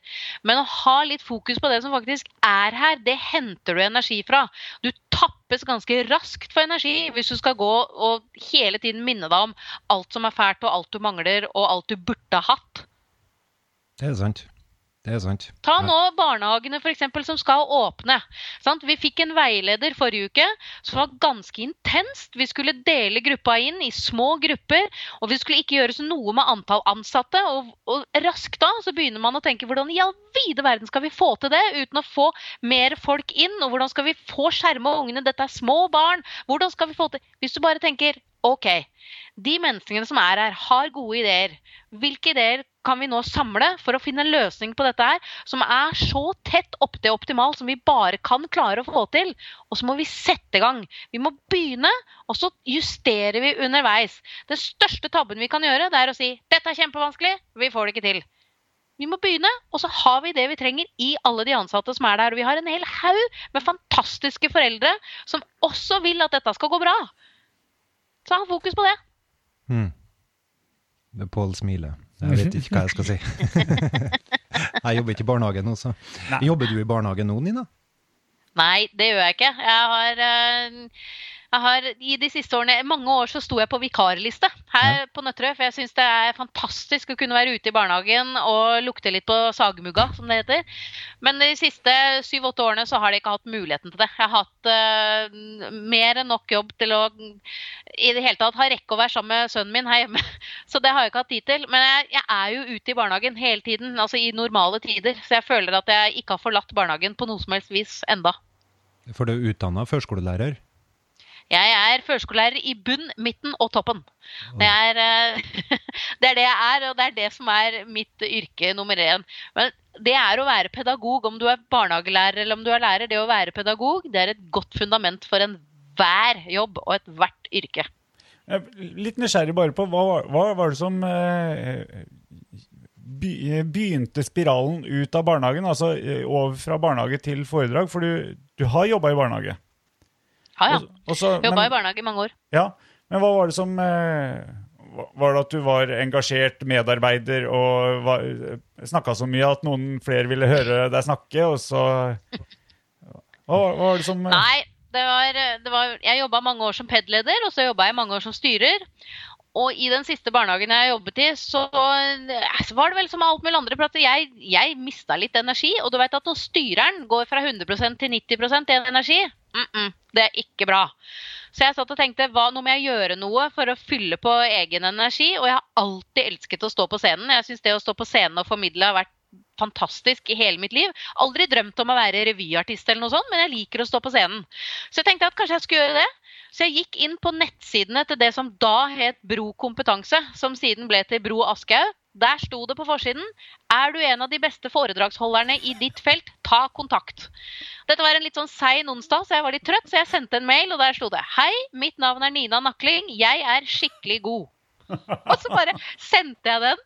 Og jeg tenkte hva i all verden er dette for noe tull? Dagen etterpå får jeg da svar og spørsmål om jeg kan komme inn på samtale to dager senere. Jeg bare, ja. Så jeg dro til Oslo, og så møtte jeg da Per Christian Øyestad, som var leder av Bro, og sa når kan du begynne? Og jeg bare når vil du ha meg? Og dette var våren 2008, og så var det mye som skjedde. Så det endte med at jeg den våren sa opp jobben min i den barnehagen. Og, og ja, Det var en lang historie der, men jeg sa opp i juni og begynte å jobbe som foredragsholder i august. Og så gjorde jeg det da fram til eh, jul, hadde en del åpne foredrag, og så tok det helt av fra januar 09. Og siden har jeg aldri tenkt noe at jeg skulle gjøre noe annet enn dette. Men jeg, det var viktig for meg at det var, det var, barnehagen og barnehagefolka som var utgangspunktet mitt. og der, Når jeg nå holder masse foredrag og kurs for andre organisasjoner og etater, og sånt, så kjenner jeg veldig på at jeg kommer hjem når jeg kommer til barnehagefolk. Det gjør jeg. Mm. Men, men eh, når, når, du, når, du, skal eh, holde foredrag, eller jeg vil nesten si opptre også, jeg, da fordi at uh, det, er, det, er, mye mer enn et foredrag, opplever jeg. Det er litt sånn show, det er litt vitser, det er litt standup. Det, er litt det har utvikla seg fra 2008, skjønner jeg, hvis du har med band og Men, men, men eh, er, det, er, det, kun, uh, kun uh, Gleder du deg bare? Eller er det sånn når du, før du, når du reiser litt, at det kribler litt i sånn Ja. Du, du skjønner at jeg sammenligner, jeg, du skjønner at jeg sammenligner litt med meg sjøl. Fordi at jeg har ett område innafor uh, barnehage som jeg har blitt spurt om å snakke en del ganger. Og jeg syns det er kjempegøy når jeg kommer i gang. Det er IKT. Uh, jeg mm. har IT-bakgrunn før jeg ble barnehagemann. Uh, og syns det er kjempegøy å snakke om det. Men hvis jeg hadde fått en forespørsel nå, i oktober, så hadde jeg brukt Jeg bruker så mye energi på forhånd, og jeg tenker på Hver gang jeg eh, hver gang jeg ser noen som eh, står sånn som deg eller andre. Det er ikke så mange som har så mye energi i det. Men eh, da tenker jeg at OK, eh, forberedelse til det Jeg kommer bare der og tar meg en kaffekopp og setter meg ned og underholder meg. Mens, eh, mens jeg vet jo at folk har gjort en eh, stor innsats. Åssen kjenner du det i, i forveien? Jeg det er viktig for meg å si til meg selv at jeg er aldri nervøs. Fordi nervøs er en litt sånn hemmende følelse. Men jeg passer på å alltid være spent. For hvis du ikke er spent, så blir du cocky, og da blir du dårlig. Mm. Så, den, så, det å være spent, det skal man. fordi de som sitter i salen, selv om du har holdt, eller jeg da, har holdt dette foredraget eller dette kurset mange ganger, så de som sitter i salen, har ikke hørt det før. Så de fortjener at jeg går på scenen og leverer det som om det var første gang. Det, og, og, det gjør meg spent. Og den spentheten det må jeg ha for å mm, kunne trøkke til og levere ordentlig. Sånn at jeg Og så tror jeg det handler mye om at det, jeg elsker å gjøre det. Du vet at ting du elsker å gjøre, det, det går du ikke og gruer deg til. Du, da bestemmer du deg for at når jeg nå skal levere det, så skal jeg levere det så bra som jeg vil at det skal være. Og så er det for meg en utrolig sånn utløsende faktor å få komme foran det der publikummet og få lov å snakke om det jeg brenner aller, aller, aller mest for. Og få lov å dele det med dere og se på reaksjonene osv. Så, så, så blir det litt som Nå sitter vi og prater, og jeg har dere på video, så er det nøye viktig for meg å se på dere, hvordan dere reagerer. Fordi det har mye med kommunikasjonen å gjøre, og som gjør kommunikasjonen bra, eventuelt dårlig. Så når jeg kommer inn i salen, det første jeg sier, skru salen, så jeg ser de som For ofte så er det forhåndsinnstilt på at det er mørkt i salen og lys på meg. Unnskyld, men jeg må se salen, så jeg kan litt, se det. Datt ut litt den hva du sa der? Jeg sier at det er viktig for meg at det er lys i salen, ja. sånn at jeg ser publikum. Jeg må se, jeg må se reaksjonen i ansiktet deres. For ofte, spesielt i kultursaler og kinosaler, så er det mørkt i salen, og så er det lys på meg. Det fungerer svært dårlig. Jeg må se menneskene for å kunne ha den direktekommunikasjonen. Har du noe spesielle ritual eh, du forbereder deg med? Har du lappesystem? Har du noe stemmeoppvarming? Ikke noe? Jeg har jeg Stort sett så varmer jeg opp stemmen lite grann. Det gjør jeg. Det, det er rett og slett for at det skal høres Eller være lettere for stemmen. Ellers så er det viktig for meg at jeg alt som blir vist på PowerPoint, alt som blir sagt, det har jeg laget selv. Mm. Det, det, sånn, at jeg, sånn at jeg vet hva som er der. Og jeg har, jeg har manus i den forstand at jeg har de få ordene som står på PowerPointen, men jeg vet hva som skal sies. Jeg vet hvilken historie som hører til hvilken slide. Jeg vet, jeg, vet hva som hører til hvor. Og da kan jeg slappe av, og da kan jeg prate som om jeg tar det rett fra hodet, selv om det er godt forberedt. Så det er aldri Det er improvisasjon, men du kan ditt eh, instrument, da, for å ta den analogien. Og det er helt riktig, og improvisasjon handler jo mest av alt om grundig forberedelse for å takle det uventede. Mm. Det er absolutt ikke å ta ting på hælen uforberedt. God improvisasjon er svært godt planlagt. Ja, for det kan jo, det kan jo eh, fort eh, bli en misforståelse med improvisasjon, tenker jeg, også i forhold til det eh, superkollega-improvisasjon-temaet. At eh, nei da, vi bare improviserer. Og jeg har nå jobba sammen med eh, både folk i barnehage og andre steder som eh, sier at nei, jeg er så god på å improvisere, så vi, vi trenger ikke å øve, vi trenger ikke å forberede oss. Eh, vi tar det. Det, det ordner seg. Og det, og det, er, det er veldig sant. Er, eh, og jeg må innrømme at jeg selv også har tenkt det. At det her, det her handler jo mest av alt om å bare ta ting på sparket. Og etter at jeg har da møtt Bård og jobbet mye med det her, så opplever jeg jo det at og skjønte veldig raskt at det er det ikke. Vi bruker ordet veldig feil. Du vet at For musikere igjen, da, for å bruke den, når musikere improviserer, så er det et det må være sånn at hver av de musikerne er eksperter på sitt instrument. Du må virkelig kunne ditt eget instrument for å kunne improvisere på det. Sånn er det i kjøkken òg. For de som kan improvisere med gode smaker og matretter, de må virkelig kunne mat og råvarer. Jeg er ikke god på det. Kan ikke, jeg, Skal jeg salt oppi sukker oppi? Jeg har ikke peiling, aner ikke. For jeg kan det ikke. Forhold til det med superkollega, så skal vi improvisere ikke musikk, ikke på mat. Vi skal improvisere i det å være menneske. Vi skal improvisere i rett og slett i livet, det å samhandle. Og det har dere gjort så lenge dere har levd. Så jeg har 47 år erfaring og kunnskap med å være i livet, og det er det du skal bruke. Så du skal ikke nå ta ting på hælen, men du skal bruke det du kan inn i noe du i møte med noen andre som kan det de kan. Altså, det er jo meg, Pål. Hvis vi hadde møttes, så kan du Pål, og jeg kan Nina. Og så skal vi jobbe sammen. Da Jeg kan vi improvisere. Øystein. Jeg ville ikke vært, kunne vært med der. Jeg føler ikke jeg kan meg sjøl, så det ville ha gått dårlig. Jeg må ha støttekontakt som lærer meg meg. eh, Et eller annet. Men, Det er der, det er der jeg kommer inn i bildet. Støttekontakten. ja, Ja. Det er faktisk, faktisk. Og det, er, og det er da det er viktig med disse prinsippene, fordi det er syv veldig enkle prinsipper. Sånn at eh, du kan få det til allikevel. Selv om ikke du kan deg selv så godt. Jeg tror du kan deg mer enn du tror. Kanskje. Vi får se. Vi får se. Det går godt til slutt, vet ikke det du sier?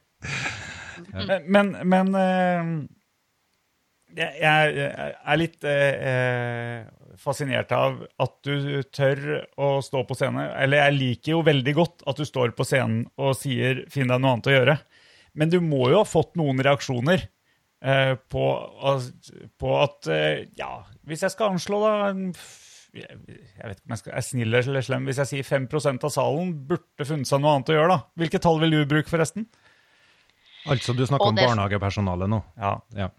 Det skal jeg være veldig forsiktig med. Jeg tror at det fins et potensial i de aller, aller, aller fleste. Det er veldig få som, som er så håpløse at det ikke er mulig.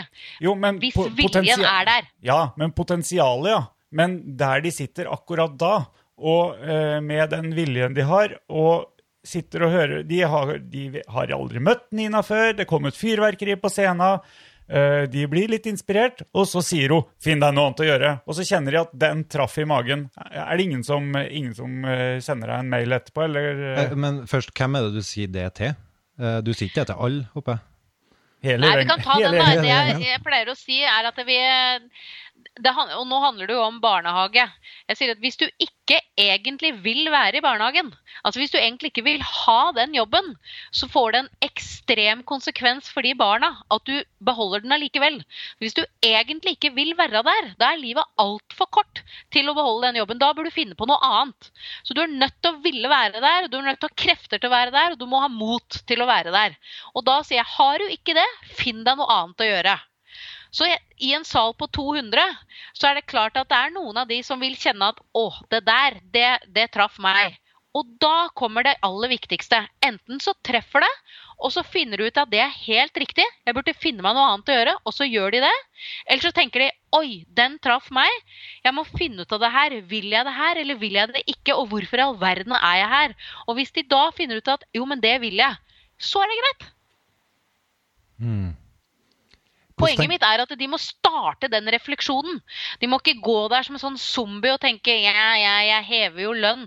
For det går utover 0-5-åringene, en hel gjeng med små mennesker som fortjener at de voksne som er der, som kan velge å være der, er der fordi de har lyst. For disse små barna som er der, de kan ikke velge. De er satt der av noen andre og har ikke mulighet til å gå noen plass. Jeg tenker det er jo en veldig kort del av livet, deres, og de går jo straks over til en annen gruppe òg, mens eh, huslånet mitt er jo en veldig varig del av livet mitt. Og da vil jeg bare si at De fem årene det er de mest sjelsett- sjelsettende årene i hele ditt liv. Det du lærer de fem eller to første årene i livet ditt, det er mer enn du klarer å lære deg resten av ditt liv. Om du hadde studert hver eneste dag, så hadde du lært deg mindre enn du lærer de to første årene. Så de fem årene i barnehagen, det er de aller, aller, aller viktigste årene i hele utdanningsløpet ditt. Det er huslånet ditt, det får du betalt ned til slutt på et eller annet vis. Du får gå og selge jordbær som Petter Stordalen. Men de fem årene i barnehagen, det får du aldri tatt igjen. Og det legger grunnlaget absolutt alt andre. Mm. Nå smiler Polly. Jeg husker nesten ingenting før konfirmasjonen, så jeg vet ikke. Vi er skrudd sammen forskjellige folk. det la grunnlaget. Nei, men, men jeg, jeg prøver, prøver meg en gang til, Nina, på, på å fiske ut om du har fått noen, eh, fått noen Ja. eh, tilbakemeldinger som på en måte sier at du, du eh, Nå tråkka du enten hardt på meg, eller, kanskje gjerne gladhistorie også, med noen som eh, enten fikk inspirasjon eller fant ut at de skulle stikke av. For jeg, jeg tenker jo at eh, eh, Jeg er helt enig med deg at verken, verken, verken barna eller kollegaene, og det gjelder kanskje en hvilken som helst jobb der man jobber med mennesker, fortjener å jobbe sammen med noen som bare hever lønn, eller, eller er uinspirert. Øystein provoserer litt, da. Han er, han er egentlig veldig grei, men uh, han trenger ikke å ha den rollen nå.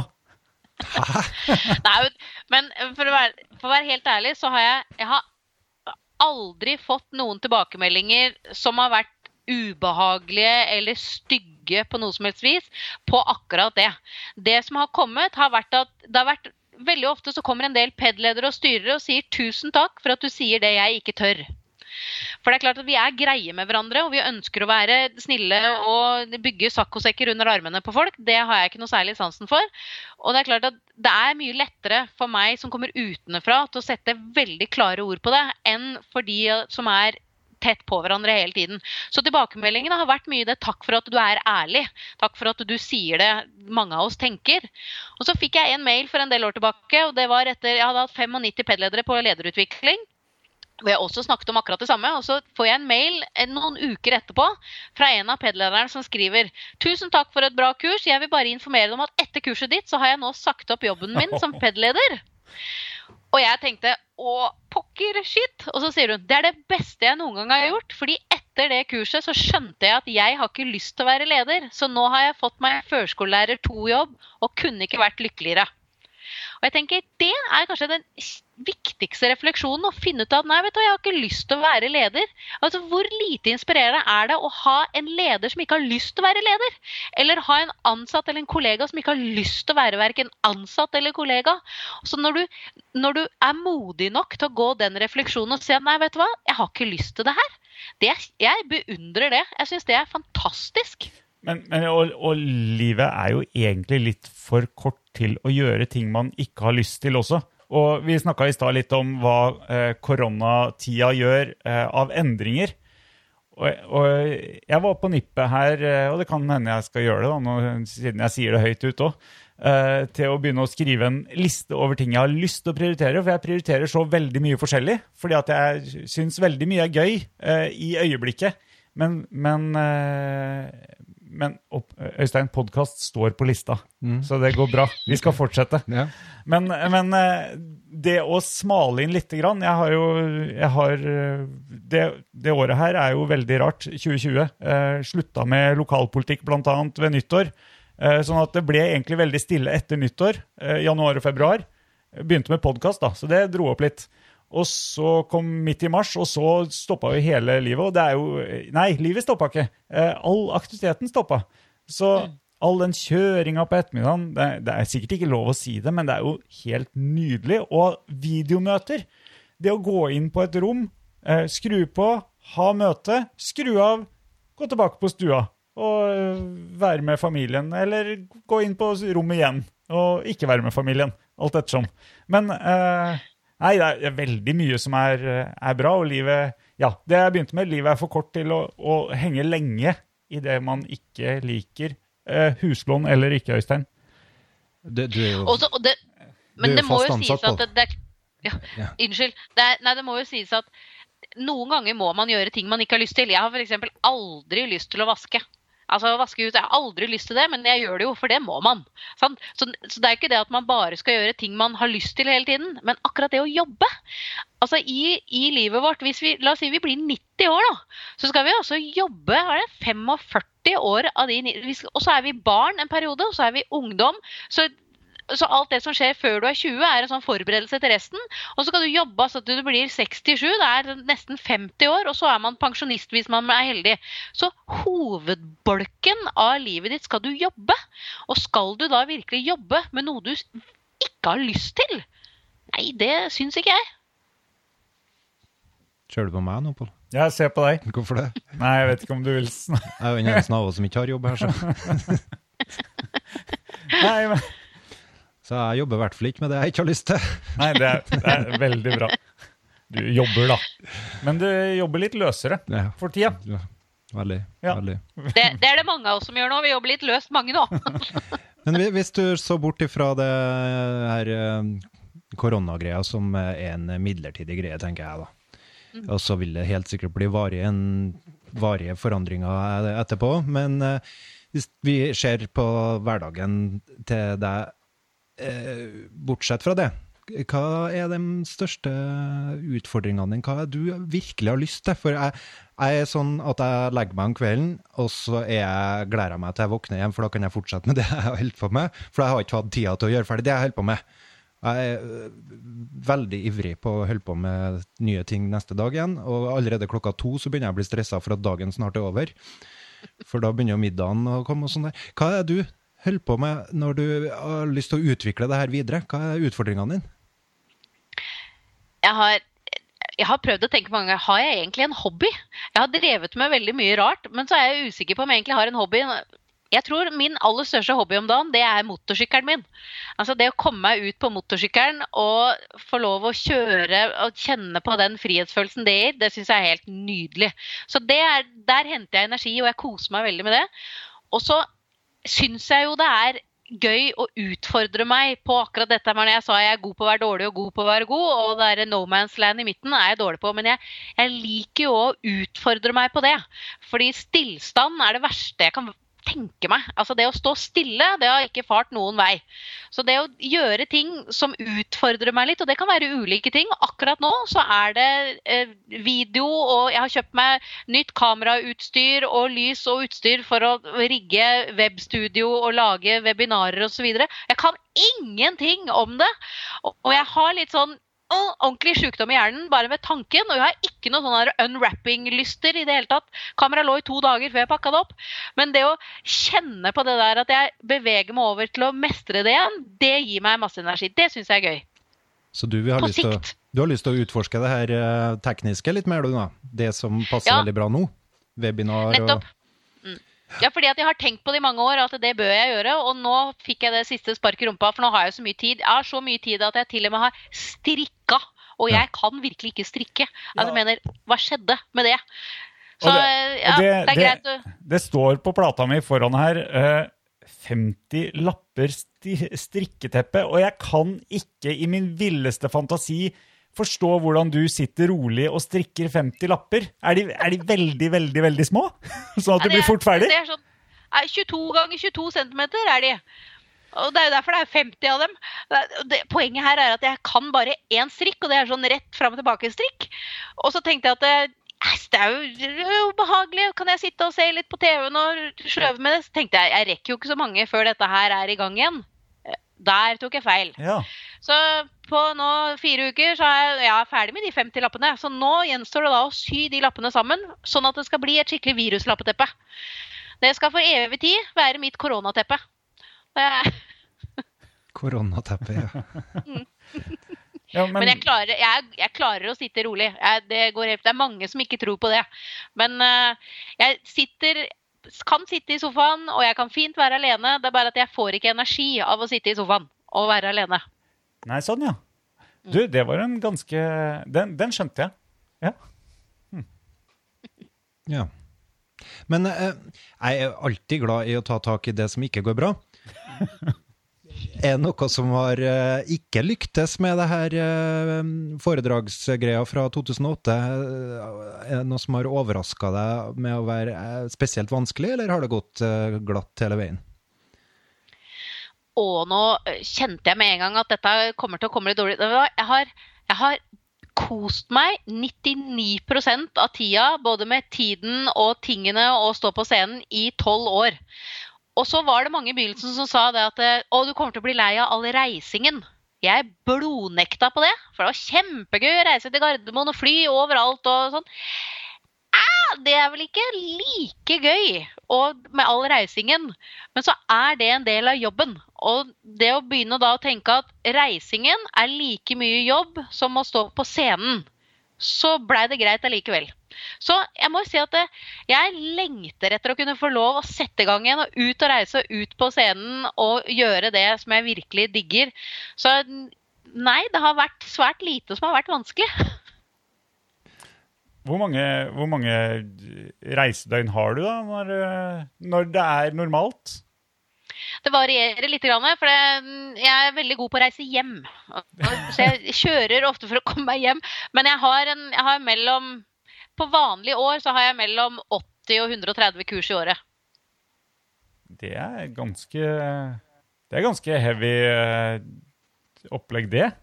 180, Ja, ja. Og så er det fordi mange foredragsholdere holder jo foredrag på sånn én til to timer. Brorparten av det jeg holder, er jo tre og seks timers kurs. Så det er klart at det, når du da har mellom 80 og 130 kurs, og kanskje 70% av de er heldagskurs, så blir det litt. Står du og jabber i seks timer, da? Mm. Nei. Jo. Nå ser du oppriktig sjokkert ut. Ja, men jeg regner med du har øvelser, gruppearbeid, det, det her. Dere høres jo veldig riktig Sote sammen ut når jeg har hørt podkasten, at eh, dere vet hva som skal til for å lage et opplegg som selv. Eh, Ja, og Bård og jeg har eh, Dette er jo helt nytt, det med superkollega. Så vi, Ja. har, vi har ikke rukket å gjøre så mye sammen ennå før virusen kom og tok oss. Og, men, men ja, når vi gjør sammen, og spesielt Superkollega live, så er jo det også ordentlig tima, og vi vet nøyaktig hva som skal skje når og hvor. Når jeg holder heldagskurs, så er det veldig sjelden at det er gruppearbeid. Men det er mye interaksjon med publikum, det er det. Men Ja. jeg snakker i seks timer, ja. Oi. Det var lenge. Må spørre, spørre Pål åssen han syns det er. Men, men, men det er Jo, men det, det, Jeg er jo en reklameplakat, så det så jeg får ikke noe kritisk herfra. Men, men jeg syns jo ofte at på kurs og seminar, foredrag, sånne ting, så kan, så kan de gruppearbeida og de pausene bære litt preg av fyllmasse. Uh, det liker jeg skikkelig dårlig. Uh, når når eh, foredragsholderen har forberedt seg på at jeg skal, at jeg skal gjøre noe. Jo, men jeg Jo, tenker, men- du må jo huske på at du har med barnehagelærere å gjøre, og lærere er jo ofte utdanna seg innenfor den, det yrket fordi at de er glad i å snakke sjøl. Øystein har masse fordommer mot eh, oss som er utdanna pedagoger.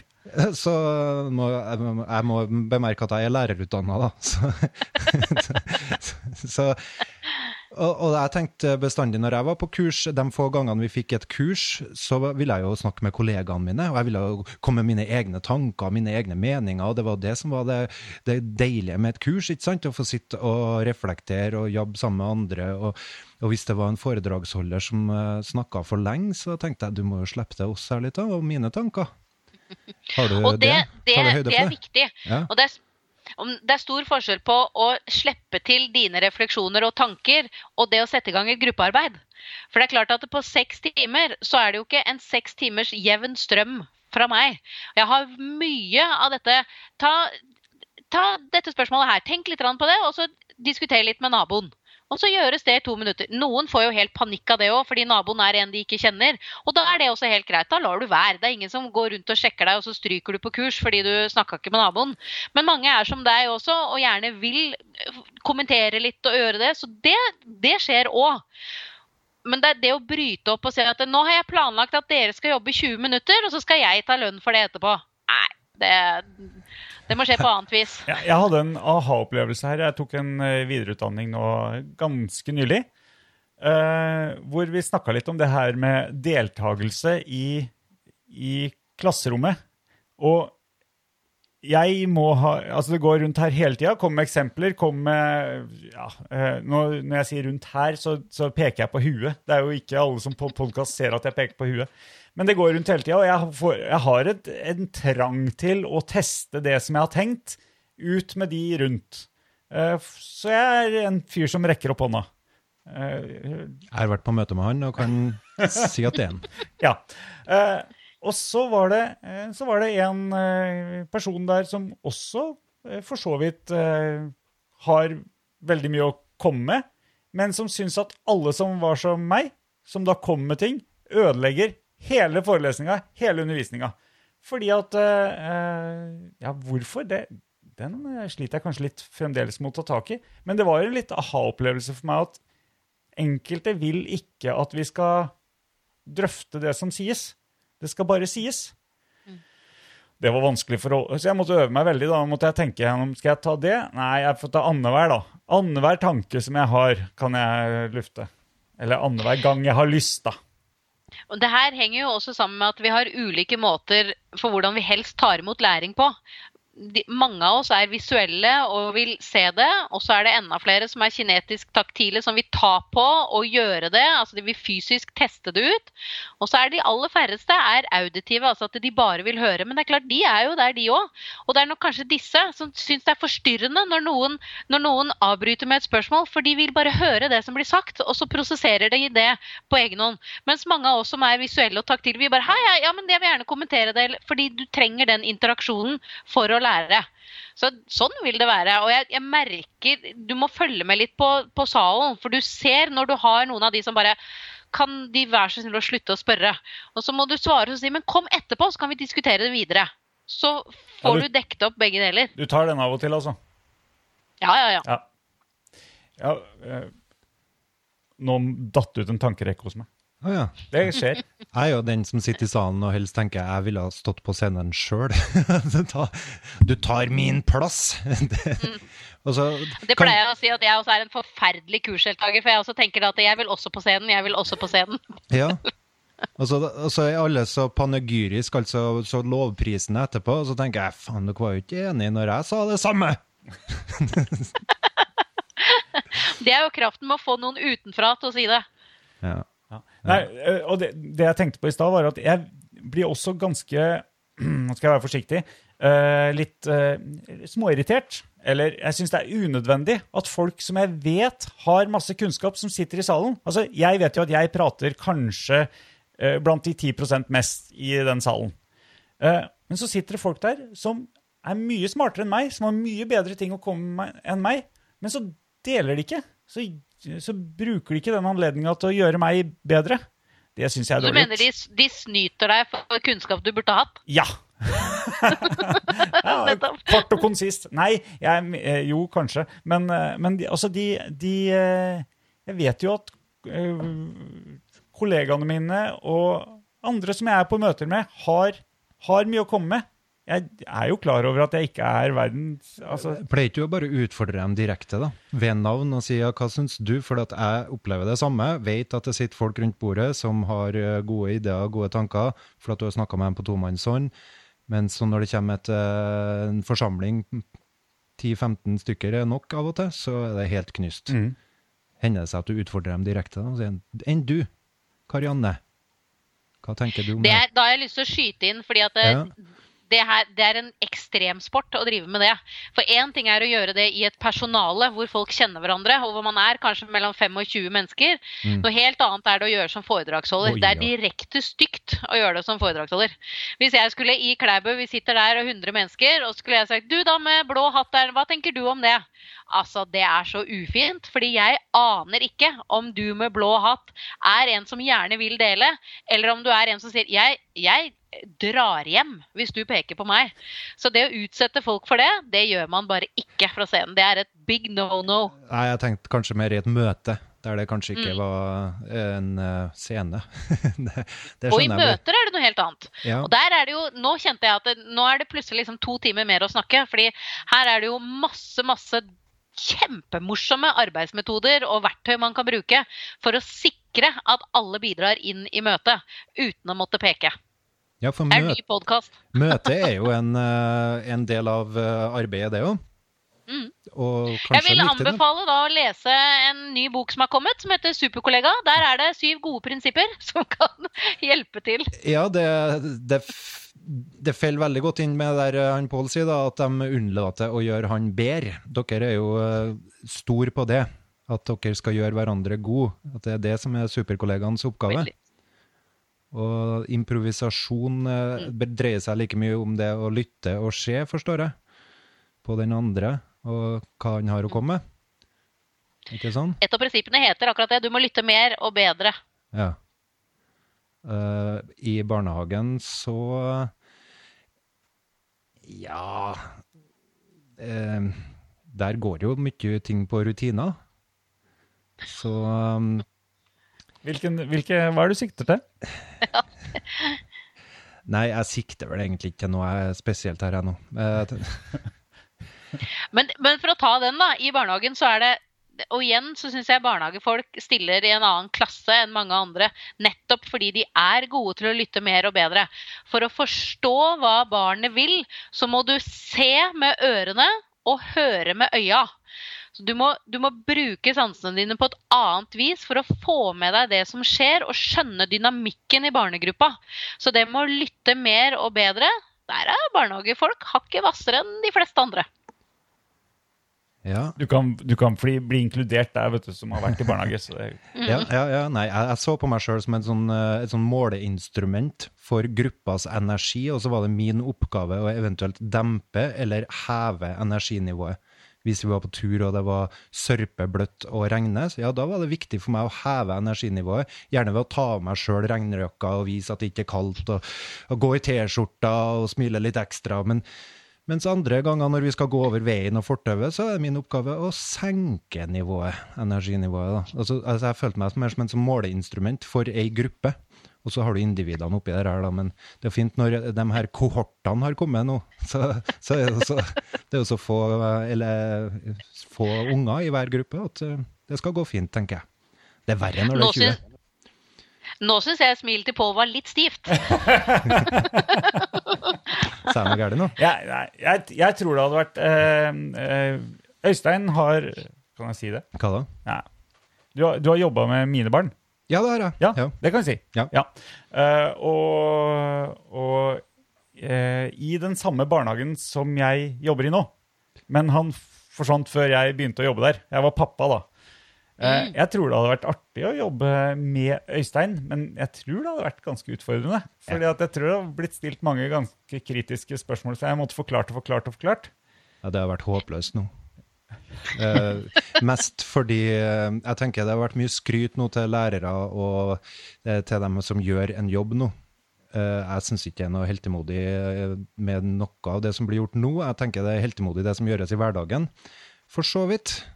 Av dem som eh, Ja, av dem, ikke den 10% som dere snakker om da, som burde ha slutta, men de aller, aller fleste står på som bare juling. og gjør en bra jobb til vanlig. Og så er det litt spesielt nå. Men eh, eh, hva var det jeg skulle si nå, da? Jo, Men ikke det litt som, er ikke det litt som Valentine's Day, eksempel? Da går vi altså ut av vårt gode skinn for å gjøre partneren lykkelig, og vi skal være kjempegreie. Mors dag, da hyller vi mor. Altså, kjæresten din og moren din fortjener jo like mye omsorg og nærhet de 364 andre dagene i året. Ja. Hverdagen er jo det som rommer, rommer mest av tida vår, så jeg er helt enig med deg. Ja. At det er, ja, det er spesielle tider, og i spesielle tider så bretter vi opp armene vi står på. Det gjør vi hæren flytte meg Ja. til vanlig òg. Jeg er helt enig. jeg pleier å si hver valentinsdag jeg rir deg 364 dager. Det er gaven. Du får 364 nye, vær så god. Jeg tenkt å holde ut med 364 nye til neste valentine, så ser vi hva det blir da. Så raus. Jeg sender all mulig empati til samboeren. Nei, ikke misforstå. Nei, men eh, det jeg ville inn på, var det at eh, nå har de brukt ei uke på å forberede noe som de egentlig dem, Nå snakker jeg barnehagefolk som en Pål her, da. Det tenker jeg er ganske heltemodig. For å sitte og planlegge i ei uke med barnehagepersonale, det har ikke jeg ville gjort om jeg så fikk eh, dobbelt betalt og helligdagstillegg oppå det. Da ville jeg sjukmeldt meg, og så har jeg villet bare komme på jobb på mandag og begynt å kritisere da. Men, men, men før vi satt en uke og planla, så hadde vi jo Var det tre eller fire uker hvor vi gjorde veldig mye annet enn det vi pleier. Uh, og ja, alt fra å skrive årsplan, planlegge jul, uh, planlegge neste års påske, for denne påska her skulle vi jo ikke gjøre noe i. Uh, og noen malte en vegg eller tre fordi at man ville ha nye farger. Det var ganske mye forskjellig. Mm. Men det er ikke imponerende, det skjønner jeg jo. Nei, jeg- Nei, jeg har prøvd å si at ting er imponerende, Lina, men det er det ikke. Nei.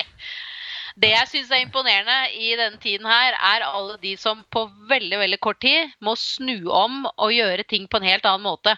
Eksempel i ungdommen. altså Vi snakker mye om barna i barnehagen og barneskolen, men ungdommen, de som går på videregående, kanskje mange av de er ekstremt skoleleie, som sliter med motivasjonen, men som har kara seg på skolen fordi de vil ha artiumet sitt, de vil stå i det, og plutselig så skal de ikke engang på skolen. De skal stå på morgenen til en PC, til en lærer som kanskje ikke kan verken Zoom eller Teams eller noen ting. Og så skal de gjøre den evnen de ungdommene har til å klare å gjøre det, til tross for manglende motivasjon. De får ikke russetida si, som de har gleda seg til og jobba for i månedsvis, kanskje år. At de står på og gjør det likevel, det syns jeg kanskje er mye mer imponerende. Og jeg klapper for ungdommen som står nå og løper ut og tar artium, til tross for alt det som plutselig har dukket opp og blir vanskelig og annerledes for dem. Jeg kan uh, si meg enig i det. At uh, ungene som faktisk gjør uh, litt arbeid nå fram til klokka 11-12, og utover til klokka to hjemmefra Ja, spesielt hvis du er skolelei, da. Herlighet, de skal jo motivere seg sjøl. Dess eldre de blir, så skal jo de ta tak i saken sjøl, så det gir jeg deg faktisk ganske mye rett i. Det, Jeg har jo en ungdom sjøl hjemme, og han går eh, andre år på bygg. ja. Og han, som han sier sjøl at eh, jeg valgte jo bygg fordi jeg hadde lyst til å jobbe praktisk. Ja. Og når de nå har yrkesfaglig fordypning og bransjelære på PC, og de til vanlig er ute og bygger hus, så er det en ekstrem overgang. Og jeg har sagt til han så mange ganger at jeg, jeg krediterer deg og er så imponert over at du står opp halv åtte, stiller ferdig, påkledd, oppe ved PC-en, han ligger ikke i senga, når da møtet starter på Teams klokka åtte. Det er dritimponerende, og jeg er kjempestolt. Ja, ja det hørtes eh, hakket hardere ut enn mine barneskole- og ungdomsskoleelever. Men eh, det, det er noe annet, da. Å møte en eh, skjerm sånn som det her. Mm. Og det tenker jeg for læreren òg. Det, det skal jeg si, da. At jeg tror ikke det er mer slitsomt, men det er noe helt annet enn det du egentlig utdanner deg for, og det du kanskje har praktisert i 20 år, da, hvis du er en eh, erfaren lærer. Og det er nesten ubehagelig å ha undervisning på nett hvis du ikke har planlagt veldig godt, og planlegge enhver Ja, du så jo, vi to supernerder på data presterer å bli et kvarter for sein lell, bare fordi at vi skal sette opp Skype med deg en plass eh, østafor, på Østlandet. Så Så at det er slitsomt for mange lærere, det skjønner jeg godt. Men jeg tenker de burde, det er fint å ta ned lista litt, da, hva, hva du kan få til. Det, det her er ikke eh, den eh, perioden der vi skal gjøre unna størstedelen av arbeidet, tenker jeg. Men, kan, men kan, nå vet jeg ikke om jeg kan det, da. Du, da får du eventuelt uh, gjøre noe med det. Ja. Men, men uh, den siste undervisninga som du hadde du, uh, Altså, kan jeg ta? Ja, ja, ja. Jeg bare snakke om. Øystein er, driver bl.a. med og har norskopplæring for fremmedspråklige Nei, det heter ikke fremmedspråklige, hva heter det? And, andre språk? Utlendinger, sier jeg bare. Ja, utlendinger. Ok. Og på Skype med folk som da har lagt uh, telefonen sin, sånn at uh, hvis du bare hadde sett taket her nå, du hadde ikke sett oss, de skrur av, uh, enten skrur av kamera eller skrur av alt av mikrofon, og så sitter han og holder undervisning foran en Ja, da, da forsvant planen min om å bruke den her skjermen min som var delt opp i én slides, ett dokument og alt det der, når jeg oppfatta at å ja, du har bare en telefonskjerm foran deg her nå, så det her må gå på auditivt. Ja. Det er klart at da når seks timer eh, planlegging forsvinner ut av vinduet på ti minutter sånn der, og så skal du ha tre timer til med undervisning på Skype, det, det, det er det jeg mener med ubehagelig. For den stillheten på Skype den er helt annerledes enn stillheten i et klasserom.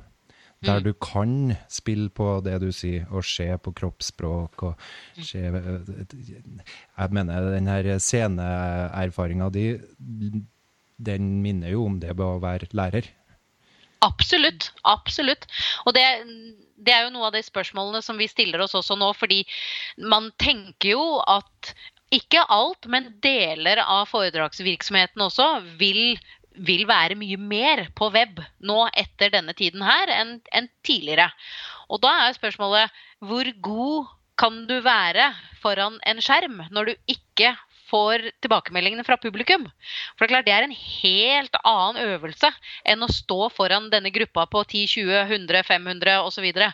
Så, og hvilke teknikker skal du bruke da, når du ikke får den umiddelbare responsen? Og det er klart For en lærer som har kanskje vært lærer i 5 eller 35 år, som er vant med den og egentlig avhengig av den interaksjonen, så er det klart dette her er, Du er jo kliss nybegynner igjen. Og det kan føles skremmende og ubehagelig òg. Og du blir knust i støvlene av YouTube-videoer som eh, og har eh, masse erfaring på det der, og gjør det proffere og har brukt mye tid på det. Og av og til så tenker jeg, kan dere bare se en YouTube-video, så lærer dere faktisk mer enn det dere gjør av meg nå.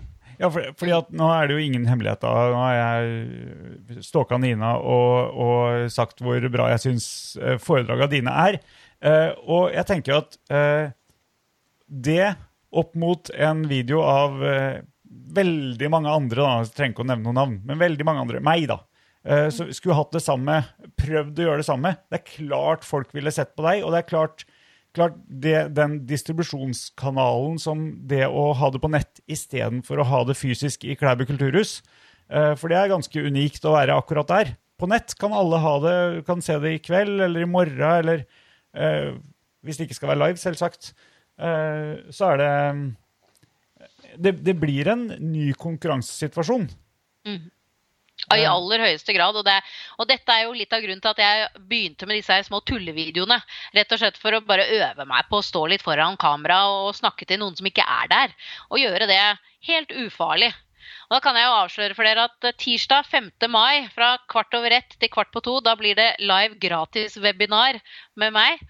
Så det kommer link der hvor du driver og stalker, så kommer det link. Så da kan du melde deg på, så kan du få se meg på premiere webinar. Det, Så det, kan, kan du stole på at jeg er på plass?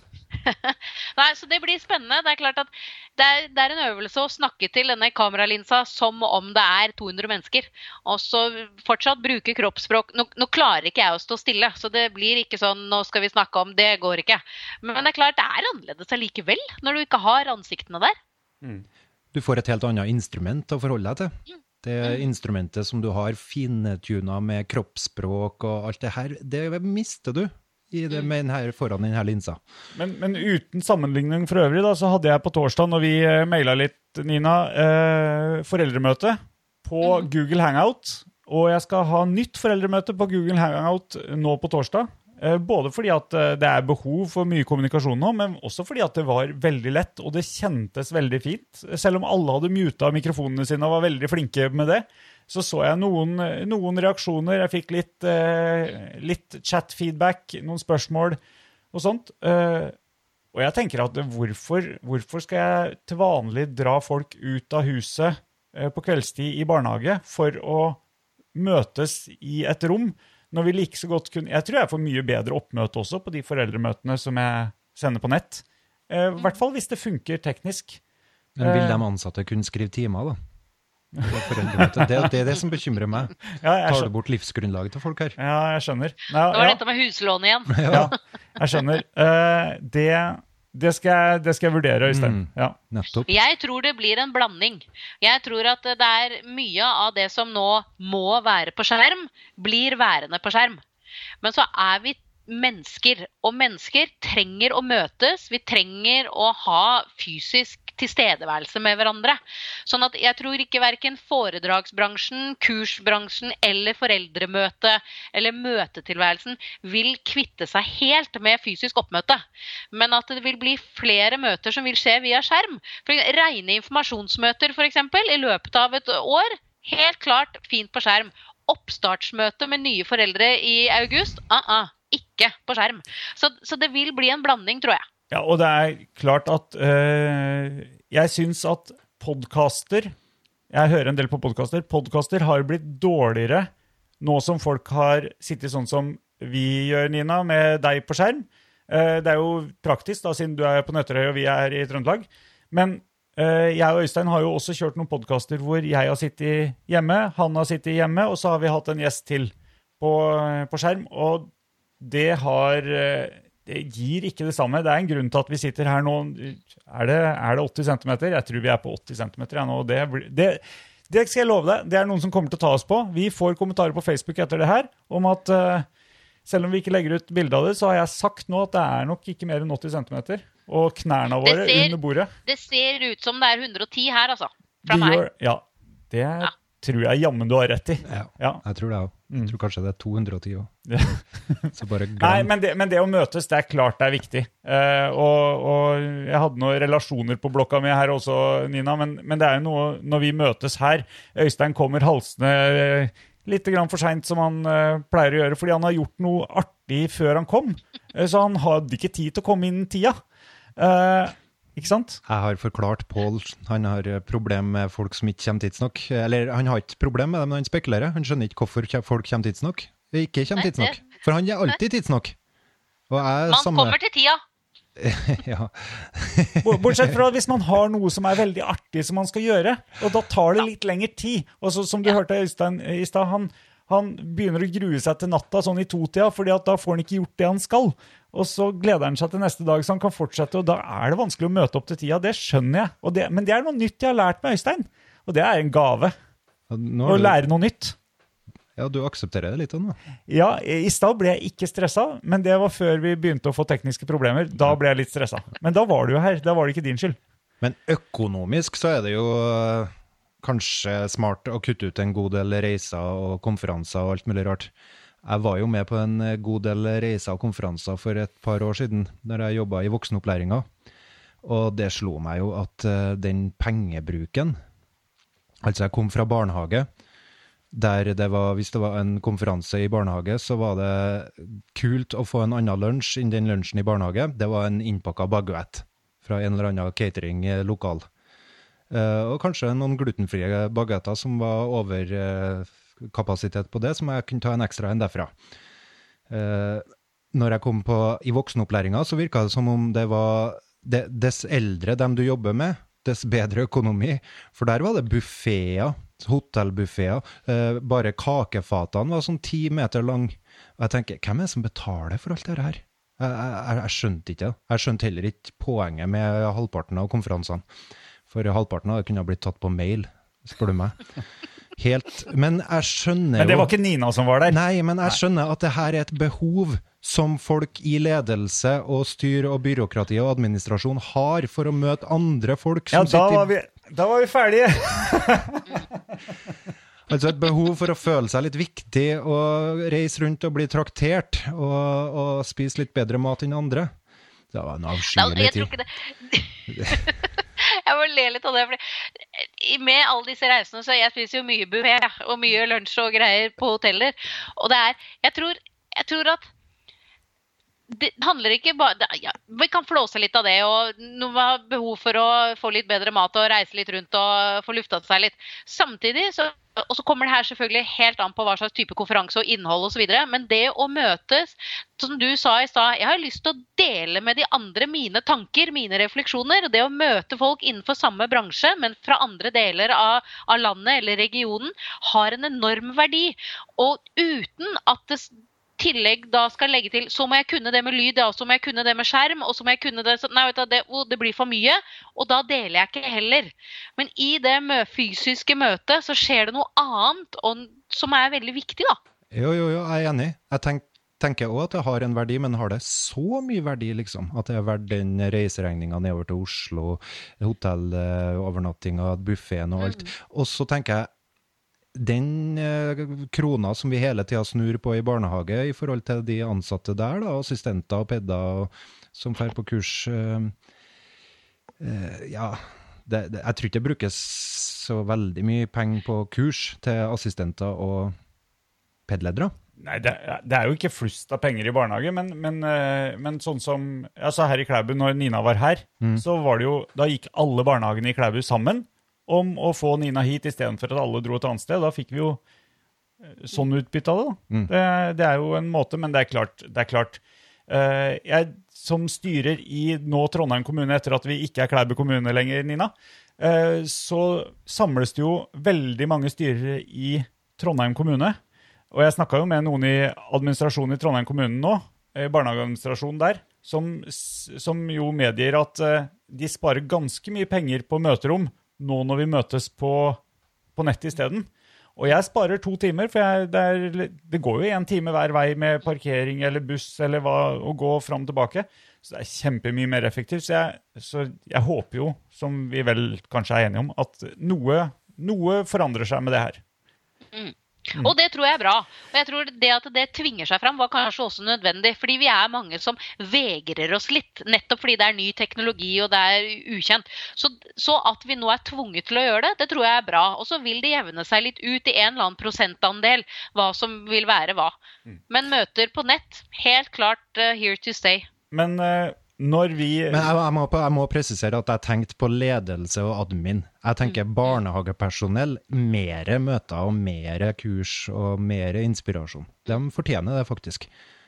For eh, det syns jeg hjalp når jeg jobba i barnehage. Ja, Og da lønner det seg å gjøre som, som dere gjorde i den gang Klæbo, hvor man går sammen og så henter man inn en foredrags, hvor det er foredragsholderen som har én reiseregning, og så deler man på utgiftene. Da blir det billig i hermetegn for hver enkel barnehage da, og hvert enkelt budsjett. Mens man får både møtes alle sammen, og man får den samme informasjonen, den samme kunnskapen på samme tid, som gjør det mye lettere å hente opp refleksjonen igjen seinere, enn om alle skulle reist av gårde og det blir mye forstyrrelser. Men så er jeg helt enig med Øystein, og jeg vet ikke Altså, at barnehagepersonalet, og da stryker vi, stryker vi oss styrere, eh, fortjener å få påskjønnelse, og også den buffeen av og til. Eh, selv om det kanskje Selv om det kanskje bare er eh, det som man før kalte frynsegode, altså at, at man legger på noe ekstra. For det, den gjengen der, de får ikke spesielt mye frynsegoder i hverdagen. Og, og de må komme på minuttet og må gå ti minutter etter fordi det var en forelder som sto og skulle prate med dem. eh, Og får ikke betalt for det nødvendigvis. Eh, Og det er veldig lite fleksibilitet. Så, eh, så gjerne buffé til folket. Men du, eh, Øystein. eh, Når vi begynner å runde sånn nærmere to timer med en gjest, så begynner jeg å få litt dårlig samvittighet. Men jeg har? Ja, vi har det, skjønner du. Eh, det gikk fort. Med, med, med det lille brekket med litt teknisk trøbbel midt i, så er vi der. Men Nina, jeg kan ikke la være å, å ta tak i bare sånn Om det blir avslutningsvis eller ikke, vet jeg ikke. Men bak deg så står det 'tenk om det går'. Du kan ikke, du kan ikke la være å Altså har skrevet på en god gammeldags flipover. Tenk Yes. om det går, og to hjerter. Utropstegn. To hjerter, ja. Eh, Vi kan ikke, vi kan ikke la den ligge u, usnakka. Både, både det, Du har litt sånn slogans, da. Tenk om det går, og veien blir til hvis du går. Jeg, jeg kan, vi kan ikke ha en podkast uten at vi har kommentert de. Eller du har kommentert de. Jeg Nei, det er jeg helt enig i. Det det er de to tingene som jeg bærer med meg alltid. Jeg har til og med armbånd med dette på, som det går an å få kjøpt. Tenk om det går! Det er rett og slett en filosofi som er henta fra de aller, aller minste ungene. For alle vi mennesker, vi er født med et helt vilt pågangsmot som gjør at vi bruker mellom 9 til 16 måneder fra vi er født og fram til vi da får det til på å reise oss opp og gå. Og vi går på trynet om igjen og om igjen og om igjen, og det er ikke et eneste sekund ungen tenker jeg driter i den gåinga. De bare reiser seg opp en gang til og en gang til fordi de tenker tenk om det går! Og det er derfor ungene spør pappa kan jeg få is? Nei. Så går det litt til. Pappa, kan jeg få is? Fordi de tenker tenk om det går, og det gjør det jo. Til slutt så sier jo pappa ja, du kan få is. Og det er det samme vi mennesker gjør når vi hver uke tipper i Lotto. Det er jo hæren klisse meg umulig å vinne den forbanna Lotto, men vi gjør det jo, for tenk om det går! Tenk om det går! Tenk om vi kunne ha tenkt det litt mer i hverdagen. Tenk om vi kunne tenkt det litt mer istedenfor det går drit. Tenk om det går! Og det er ikke sånn at det nødvendigvis skal bli enkelt, for det har jeg aldri sagt. Men tenk om det går! Ole Brumm og Nasse Nøff er to magiske eh, pedagoger, de bare aner det ikke. Hvor Nasse er bekymra og sier 'tenk om treet ramler på oss', og Brumm sier 'men tenk om ikke'. Og det er akkurat det. Tenk om det går! Tenk om det går! Hvor mye lettere hadde det ikke vært da? Jeg tenkte det i hvert fall hver eneste kjøretime jeg hadde på det der monsteret av en motorsykkel. Tenk om det går! Og det gjør jeg. Jeg mener Tussi er litt oversett, jeg, da. I det 100-meterskogen. Det er et helt annen podkast, for det er jeg helt enig i. Men, og det siste, det er det andre uttrykket. Det er 'veien blir til hvis du går'. For det uttrykket heter jo egentlig 'veien blir til mens du går', og det er det dummeste uttrykket jeg veit om. For det er en hel gjeng med folk som står som sånne statuer og sier 'veien blir til mens man går'. Og de flytter seg ikke et centimeter. Det blir ikke noe vei før noen har satt i gang. Og hvis vi alle sammen skal gå og vente på at det er noen andre som begynner, så blir vi stående kliss stille alle sammen. Veien blir til hvis du går.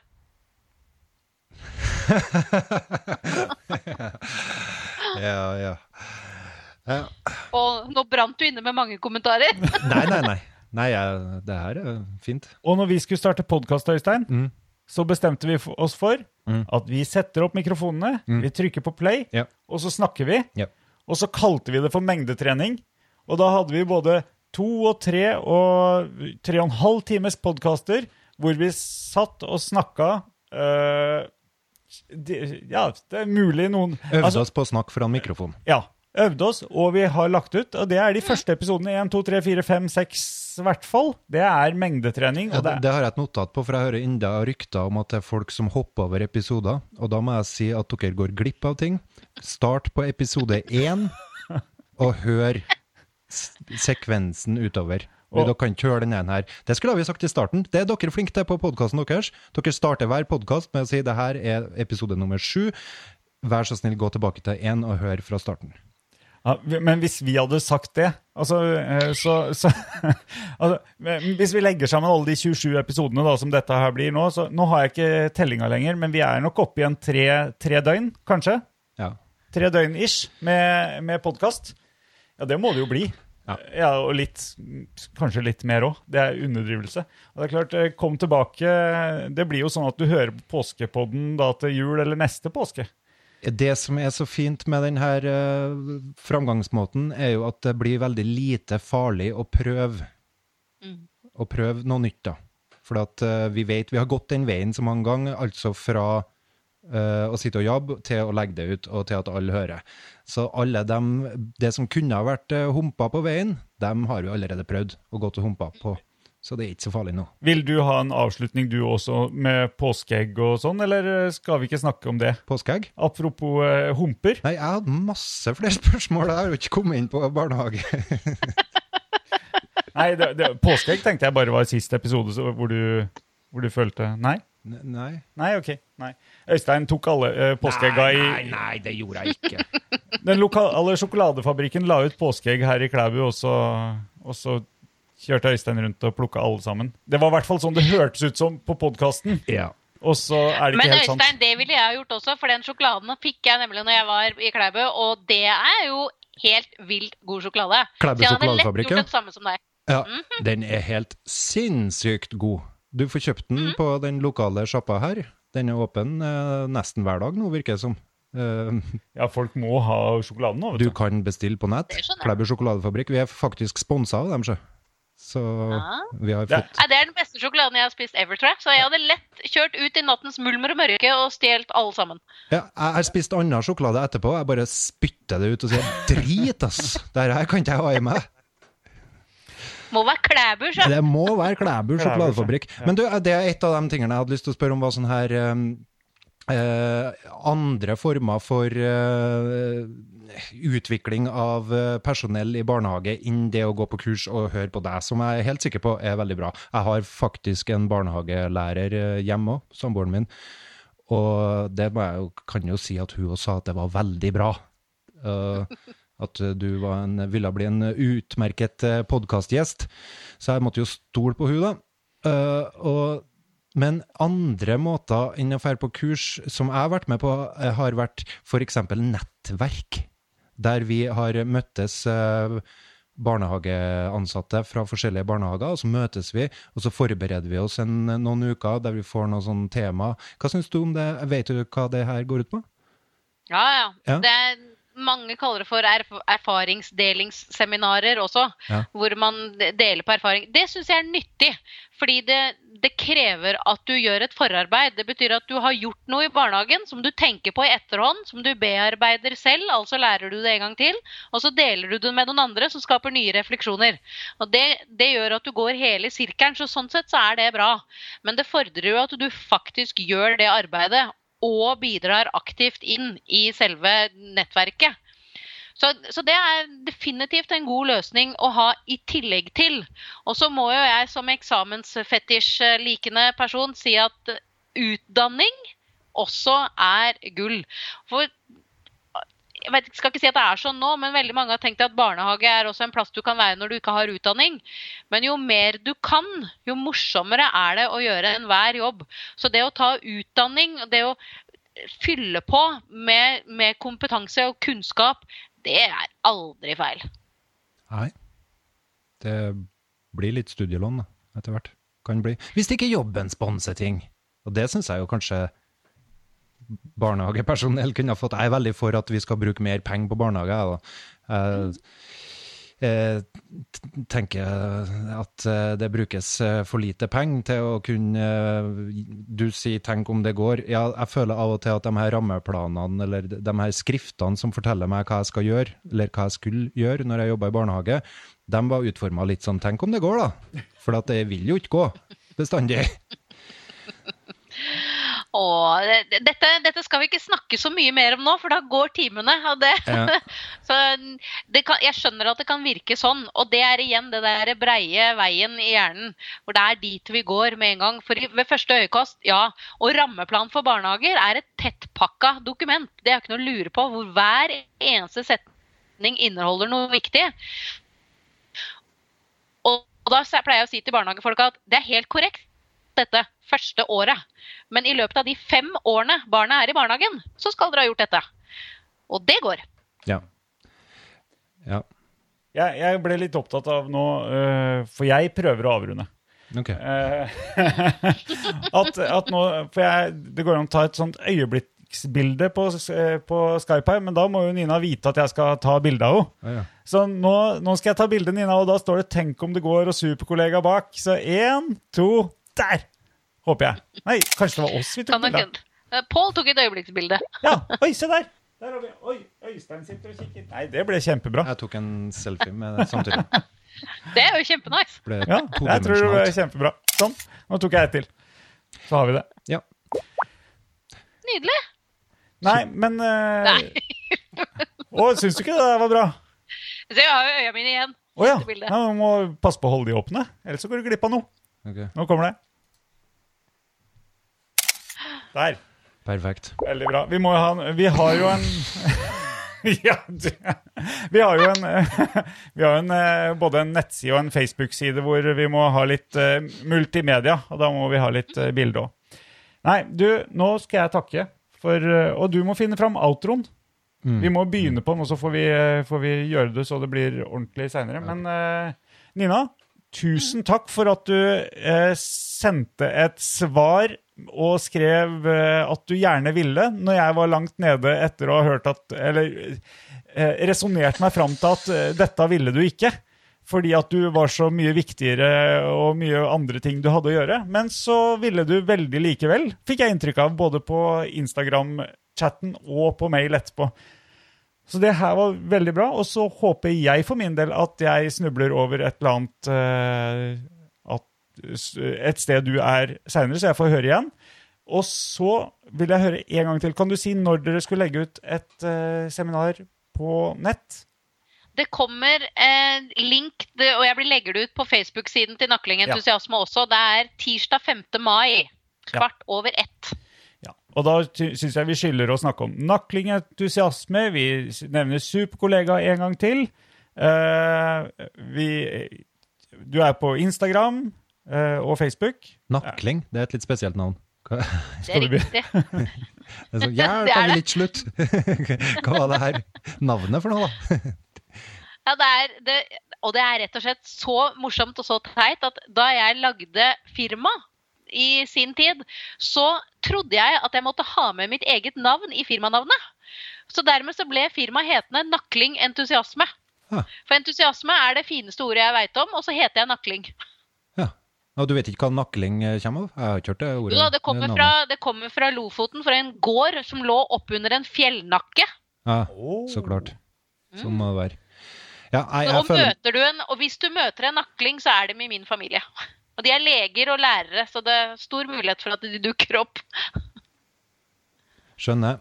Jeg, jeg er lei for at vi må avslutte, for at jeg hadde så mye mer jeg fikk. Jeg det er så lenge siden jeg har vært i barnehageverden, så nå begynte jeg å komme inn i den igjen. Og det er veldig Jeg har mye jeg har lyst til å snakke om i barnehageverden, og mye jeg skulle ha spurt deg om. Mye jeg skulle ha hørt eh, tankene og meningene dine om, men da må vi jo si folk kan høre podkasten hennes. Ja, podkasten som også heter Superkollega. Ja. Åtte episoder, og, og det kommer flere, sa du. Den fins på iTunes og Spotify og der du måtte finne de podkastene du hører på, sånn som deres f.eks. Huh. Kanskje vi må spørre om han Bård vil være med til oss, uh, Pål? Han hørtes ut som det var liv i han òg. Ja. Det er det definitivt. Og han er morsom fyr å prate med og kan prate om eh, konseptutvikling og, og teatersport i samme setning. Er en eh, spennende fyr som ser ut som en businessmann med dressjakke til han tar av seg, for da har han tatoveringer oppover her. Så det er fantastisk herlig fyr. Dere har veldig bra kjemi, hører jeg, på podkasten. Så det går unna. Det er riktig. Ja, ja. Nei, men da håper jeg at folk har eh, fått eh, litt å høre på. Så skal jeg spille denne her uh, outroen vår, Nina. Tusen, tusen takk igjen for at du ville bli med. Jeg får sove veldig godt i natt nå. Bra, bra. Jeg håper jeg ikke har gjort noe galt, for uh, Pål sa hun er ei stjerne, Øystein. Nå må du skjerpe deg. Dette har gått veldig bra, Øystein.